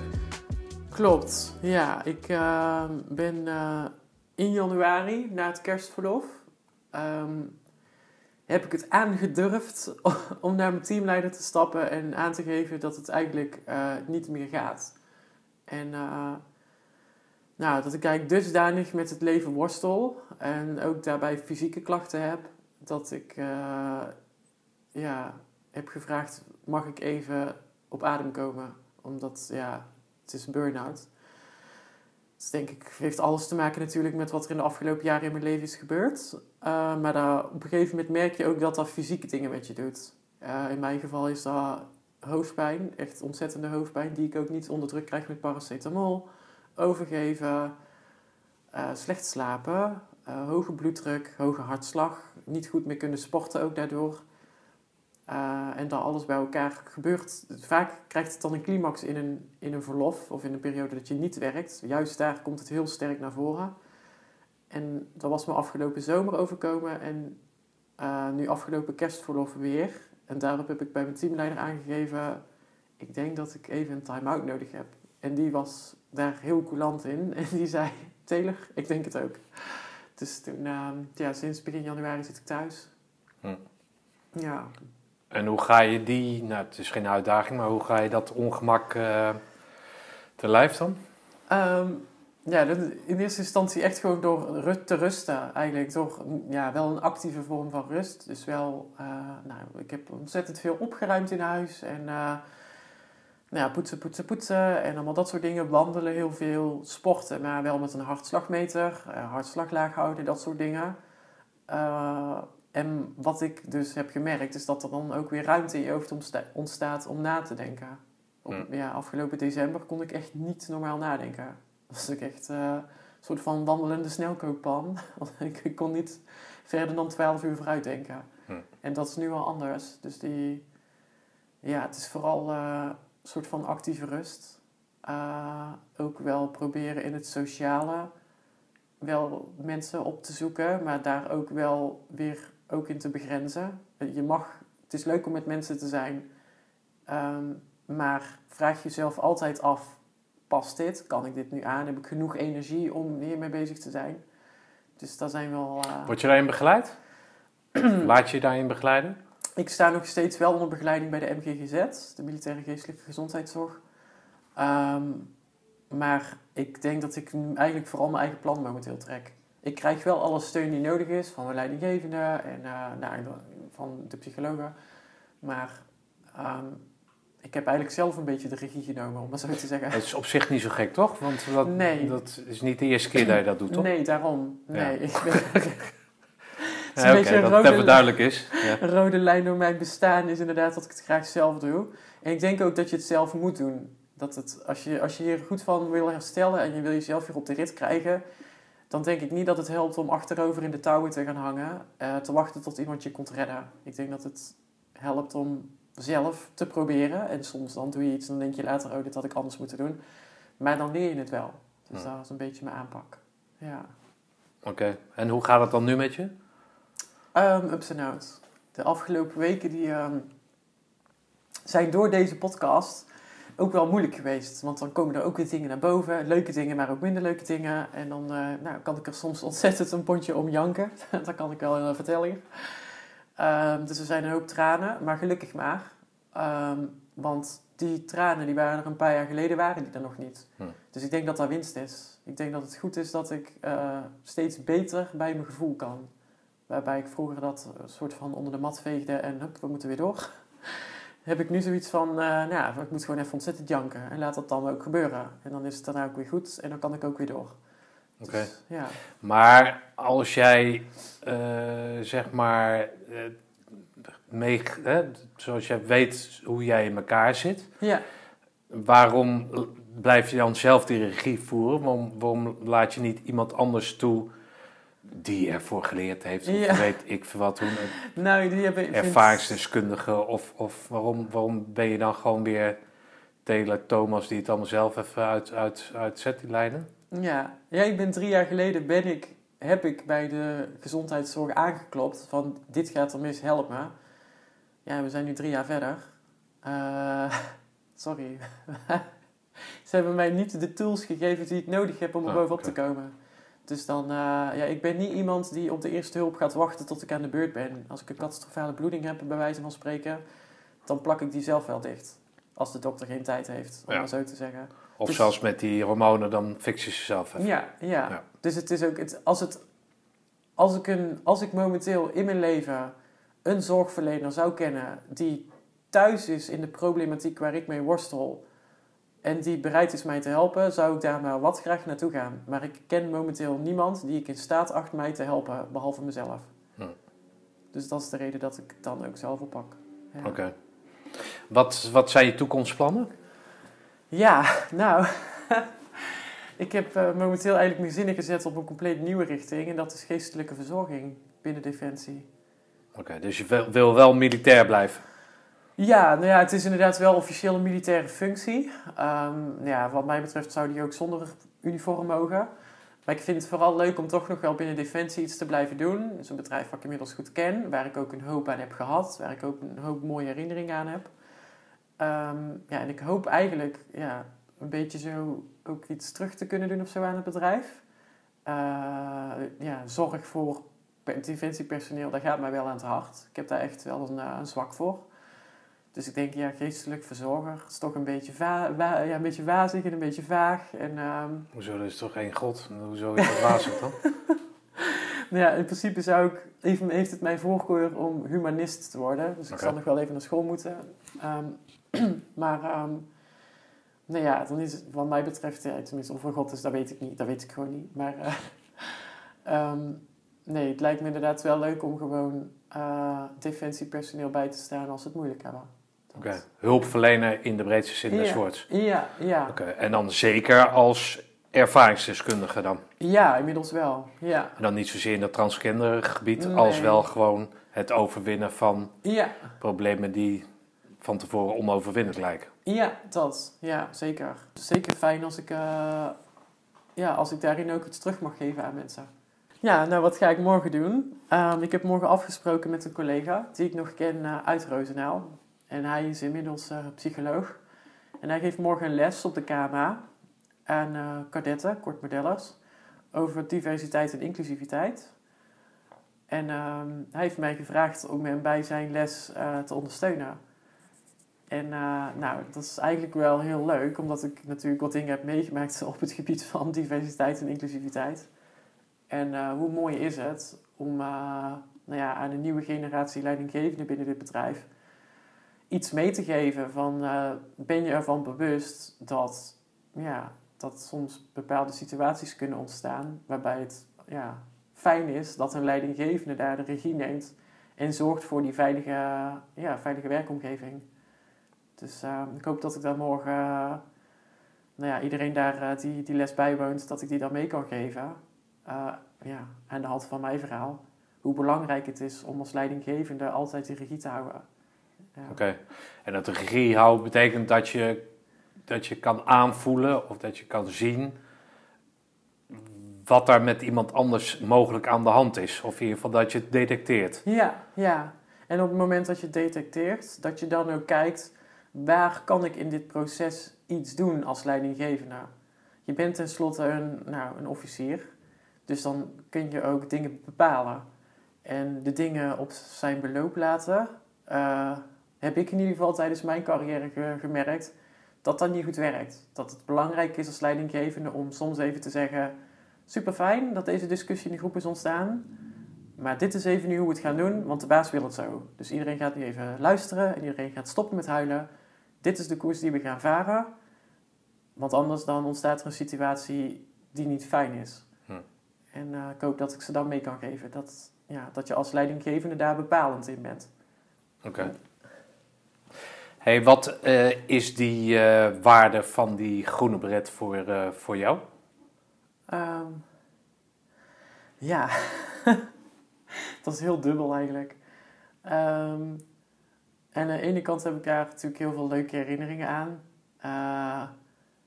ja, het is gewoon een hele leuke tijd geweest bij de commando's. Daar ben ik echt wel gegroeid van iemand die onzeker was tot iemand die ja, wel gelooft in dat ik dingen kan bereiken.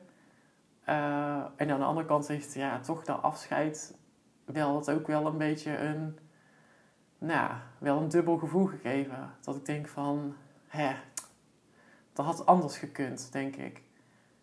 Um, dus ja, dat, ja dus ik blijf daar altijd wel met een, met een dubbel gevoel naar kijken. Maar um, ik vind het in ieder geval belangrijk om wel... Uh, ja, het, het, ondanks dat ik daar in Roosendaal, vind ik, niet leuk ben weggegaan... dat ik wel de positieve dingen die ik daar heb mee mogen maken blijf zien. Dat, uh, ja, zoiets. Oké, maar jij hebt mij verteld dat vond ik namelijk een hele mooie. Uh, en misschien dat ik je dat even moet helpen herinneren, maar dat jij een onzeker bestaan leed. Ja. Uh, voordat je zeg maar naar Defensie ging. Dat je daar het hoogste hebt aangeraakt. En dat het jou daar zoveel zelfvertrouwen heeft gegeven. Dat, en misschien dat ik dat uh, geromantiseerd heb. Maar volgens mij zei je zoiets van: als ik die commandoopleiding niet had gedaan, had ik ook niet in transitie kunnen gaan. Ja. Of was ik niet in transitie, of had ik misschien de moed niet gehad om in transitie te gaan. Ja. Dus met andere woorden, die commandoopleiding of het voltooien van die commandoopleiding, uh, het halen van die groene beret, heeft jou zoveel zelfvertrouwen gegeven dat je daarna gewoon de, rest, de rest van de wereld een dikke vinger durfde te geven. Ja, dat heeft me zeker geholpen. Die, um, ik denk dat als ik niet voor een militaire, militaire carrière had gekozen, dat ik uiteindelijk, ja, was ik uiteindelijk denk ik ook wel in transitie gegaan. Maar op een hele andere manier. Dan was ik op een uit een hele andere richting gekomen. Nu heb ik, ben ik echt wel, uh, heb ik echt een plan gemaakt. Zo ga ik het aanpakken, heb ik daar goed over nagedacht. En durf ik daar ook Um, nou, toch wel met, ja, met een bepaalde vastberadenheid heb ik dat wel doorlopen. En die vastberadenheid, die was er niet voordat ik begon aan mijn carrière bij het leger. Die, uh, toen was ik vooral ontzettend onzeker en vond ik het leven maar ingewikkeld en wist ik het niet. En bij het korps commandotroepen kreeg ik weer het vertrouwen in mezelf. Zie je nou, ik kan wel wat. Of dit lukt me wel. Of ik krijg wel de steun. Of ja, ik ben wel in staat om dingen in beweging te zetten. En um, nou ja, dat heeft me wel gesterkt voor de, voor de rest van mijn leven. Dat zeker. Ja. Maar ik, voor mij heeft dat, hoe moet ik dat zeggen? Die baret voor mij is niet meer als een stuk stof wat toevallig toegeschreven is aan, aan, dit, aan dit pak, om maar zo te zeggen, of deze, deze functie. Het is voor mij echt, wie draagt de baret? Wat zit daaronder? Wie is de persoon die die baret draagt? Die, eh, ja, dat maakt uit.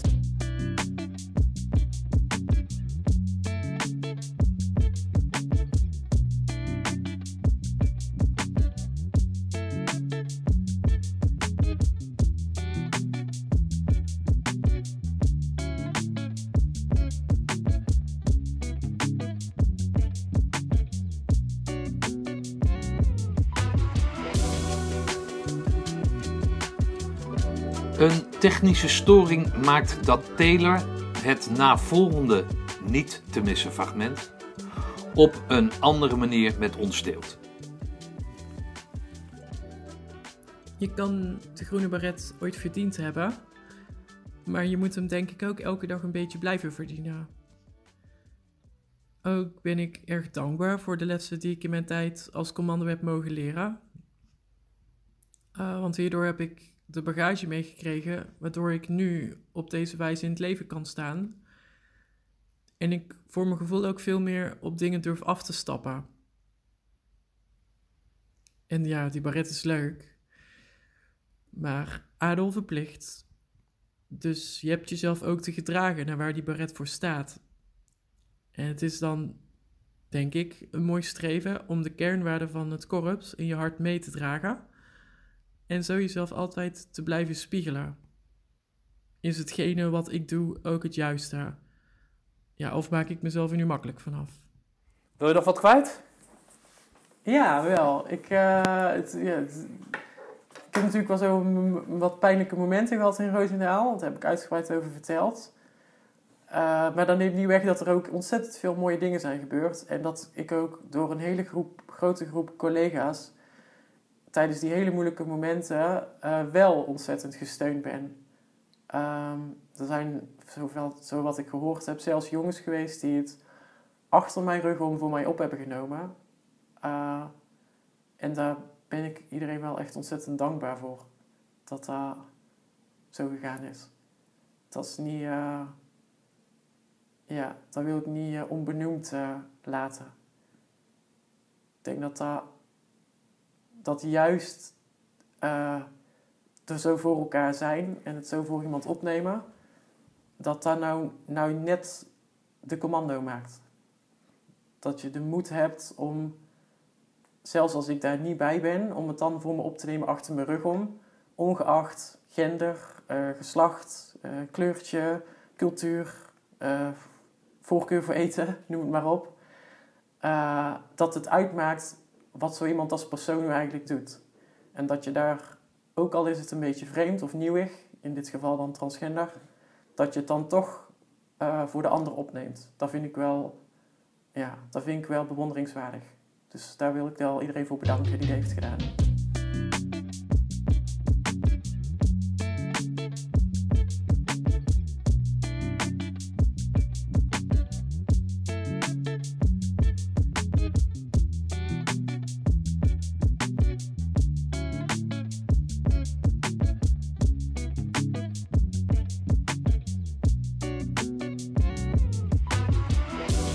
Taylor, hoe is het ermee? Het lijkt alweer zo lang geleden en er is ondertussen heel veel veranderd. Maar ik weet nog goed, super mooie tijd in de ploeg. Hard werken, heel veel lol en ook wel eens wat mindere tijden. Maar wat me vooral is bijgebleven is jouw enorme inzet, jouw positiviteit en professionaliteit. Maar ook je humor en kracht om zaken te relativeren. Ik denk dat heel veel mensen daar nog een voorbeeld aan kunnen nemen. Ik hoop in ieder geval dat je nog een hoop mensen hiermee mag inspireren. En hopelijk kan je altijd dicht bij jezelf blijven. Mooie persoon die je bent. Tot snel. Groetjes Ed. Nou ja, ik heb Taylor voor, mij eh, Thomas leren kennen eh, toen hij bij, eh, bij ons in de compie geplaatst bij de 105. Ehm, ik zat toen al wat a- aantal jaartjes bij de compie. Kwam een nieuwe lichting bij waar Thomas één van was. Ehm, en al heel snel ging, gingen we de CT-opleiding in, de contracteuropleiding, waar hij ook aan deelnam. In de eerste instantie zat ik niet bij Thomas in dezelfde groep. Er waren een aantal groepjes gemaakt. en na verloop van, van de opleiding ehm, werden die groepjes heringedeeld op, ja, op basis van ehm, prestaties. En kwam Thomas in één keer bij ons in het groepje. En daar leerde ik hem eigenlijk wel anders kennen. Want in het begin vond ik, vond ik Thomas uh, wat, wat stil, wat rustig.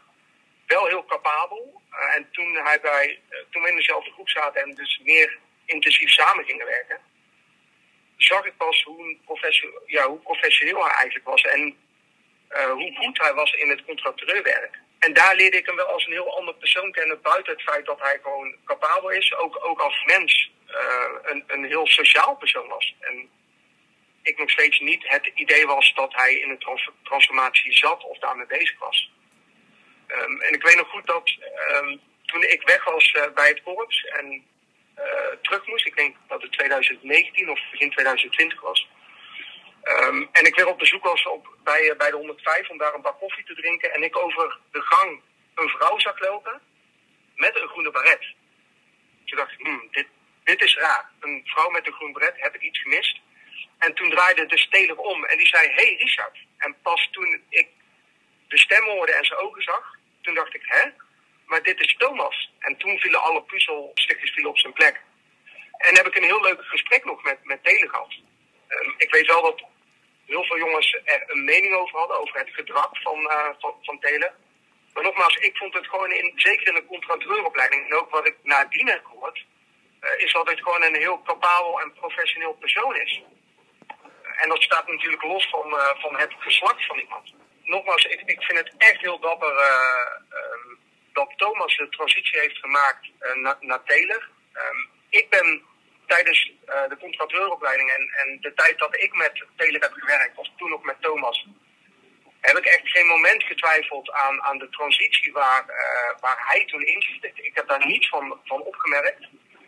Um, en in, over, het, uh, over heel de, de contracteuropleiding waar ik in heb gezeten, vond ik Thomas echt een van de betere operators. Um, en ook nadien, wat ik van, van collega's heb gehoord, dat hij wel de krachttrekker binnen de 105 was op het vlak van contracteur. En dat zegt dus helemaal nogmaals niet over een geslacht van iemand, maar wel over het feit dat hij er altijd al mee bezig is geweest. En wat ook de berichten die ik op LinkedIn lees, vanaf zijn jeugd al mee bezig is geweest. Toch de zwaarste verleiding van Nederland heeft volbracht. Met die gedachten in zijn, in zijn hoofd. Um, en nu toch die transitie door heeft gezet. En, en uiteindelijk Taylor is geworden hoe hij nu is. En ik denk dat we, ja, dat we daar ook wel een, voorbeeld aan, aan, kunnen en mogen nemen. Um, aan hoe het ook kan. En uiteindelijk dat, ja, dat een gevoel dat je daar iets mee moet. En, dat, en dat eerlijk zijn soms heel lastig is, maar dat het je ook wel iets brengt. Want volgens mij, um, en ik heb niet heel vaak gesproken, voelt ze zich nu wel beter op haar plek. En dat, dat staat helemaal los van kennis en kunde en het werk wat, uh, wat ze in het verleden altijd gedaan heeft, vind ik. Um, nou, ik ken Taylor van, uh, vanaf het begin af aan met de VO ACO. Die hebben we samen uh, volbracht en daarna zijn we samen ook naar dezelfde compagnie gegaan. En daar hebben we verschillende oefeningen samen gehad. Helaas ben ik nooit met haar op missie geweest. Wel een keertje zijn we samen op pad gestuurd tijdens een LVO-oefening. En het was ook die LVO-oefening, we dan samen opereerden als celletje in een, buitenlandse stad. Waar ik voorafgaand bij haar thuis kwam en zij mij vertelde dat er wat met haar aan de hand was. En ik, ik dacht, nou, wat kan het dan zijn? Weet dus ik had allerlei wilde ideeën en ik dacht van, nou, ze komt uit de kast. Ze valt op mannen. Tenminste, destijds was ze natuurlijk nog een man. Maar ze, ze, valt op mannen. Maar dat was dus niet aan de hand. Het was dat ze aangaf dat ze genderdysforie had. Ja, ik, ik weet niet hoe ik echt reageerde. Ik denk ik heb er gewoon een verhaal laten doen. En, en zij vond het heel prettig dat ze met mij op pad ging. En ik denk ook wel dat ik een van de eerste was die het wist. En ik denk dat het verhaal wel een opluchting was dat ze iemand had waarbij ze het kwijt kon. Dat er ook wel iets van rust gaf. Ook in aanloop naar de oefening toe. dat het voor haar misschien een hele grote stap was geweest om een collega te vertellen wat ze heeft. En het van daar vanuit daar door te pakken. En dat heeft ze ook gedaan. Ja, ik denk dat, dat het een goede keuze geweest is voor haar. Alleen, ik merkte wel vanuit de community dat er heel veel weerstand was. En misschien had ik die weerstand zelf ook wel gevoeld als ik niet zo nauw met haar had samengewerkt. Dus ik begrijp heel veel jongens ook wel, maar ik vond af en toe zeg maar, de kortzichtigheid wel, ja, ja, die was wel daar. Nou, ik, ik ken Thomas destijds als een zeer getalenteerde en gedreven collega. Ik vond dat hij het zeg maar binnen het DA-domein, het Direct Action-domein, het, het spelletje, het taxispelletje enorm goed doorhad. Hij was ook altijd bezig met verbeteringen, innovatie, creatief denken en dan gewoon het beste uit zichzelf halen. En misschien is dat, was dat zeg om de aandacht te verleggen naar waar de problemen voor haar destijds echt omgingen. Maar dat is uh, wat, hoe ik mij hem herinner, zeg maar, als, als operator. En aan de ene kant is het ook wel goed dat hij zo goed was in zijn werk, om daar kon je hem in niet op, uh, op aanvallen. Dus uh, ik denk dat dat ook wel een hoop mensen, zeg maar, misschien iets in een trots gekrenkt heeft, zeg maar, dat hoe kan het nou, zeg maar, dat een van ons, zeg maar, deze keuze maakt, of zeg maar, binnen ons korps, zeg maar, uh, is. Ik vind het wel grappig dat we er altijd zo prat op gaan dat we, zo, dat we ook onconventioneel kunnen denken en handelen. Maar dat dat in deze niet terugkwam, zeg maar, bij velen van ons. Ik, ik merkte zelf ook in het begin wel wat weerstand. maar naarmate ik haar verhaal beter begreep, kon ik ook meer in haar inleven. Ja, ik had gewoon in elk geval binnen de compagnie, ik had, ik had meer in het begin was er wel begrip, maar naarmate zeg maar, ze langer bleef, hadden mensen toch wel de verwachting dat ze, dat ze moest vertrekken, omdat ze, omdat ze eigenlijk geen plek had. Ongeacht maar, de, de voorgeschiedenis die ze had en hoe, ze, hoe ze was als, als operator. Dat heeft, dat heeft en ja, dan moet ik ook eerlijk zeggen, dan ben ik zelf ook niet. Ik was begripvol naar haar toe en ik heb er altijd verdedigd, maar ik ben niet naar CK's tegengestapt om om te vertellen wat ik ervan vond, hoe we er met hem werd omgegaan. Dus dat, dat neemt mezelf dan misschien een klein beetje kwalijk. Maar ja, dat is dan wat het is. Ja, het klinkt wat laf, vind, vind je zelf. Dat je, Sorry? Dat, nou, nou je... ja, wat laf. Kijk, ik heb, ik heb er een hele sterke mening over. Zeg maar, als iemand gelijk iemand helemaal afbrandt, zeg maar, alleen op basis van dat je weet dat iemand mentaal in de club zit en dus de keuze maakt, zeg maar, die ze heeft gemaakt. En, ja, zonder er echt goed te kennen, dan denk ik van ja, dan kun je net zo goed je mond houden. Ja. En dat heb ik sommigen ook wel gezegd. Ja. Maat, wat mij betreft hoef je niemand te overtuigen. Ben vooral lekker jezelf, want daar ben je ook je sterkste en je leukst. En je mag er gewoon zijn. Dat vind ik wel belangrijk dat ze dat weten. Taylor, dank voor het delen van jouw verhaal. Jouw nu kennende behoef je geen aanmoediging om voorwaarts te blijven gaan. Weet echter dat je mijn held bent. Noem koud, noem kwam.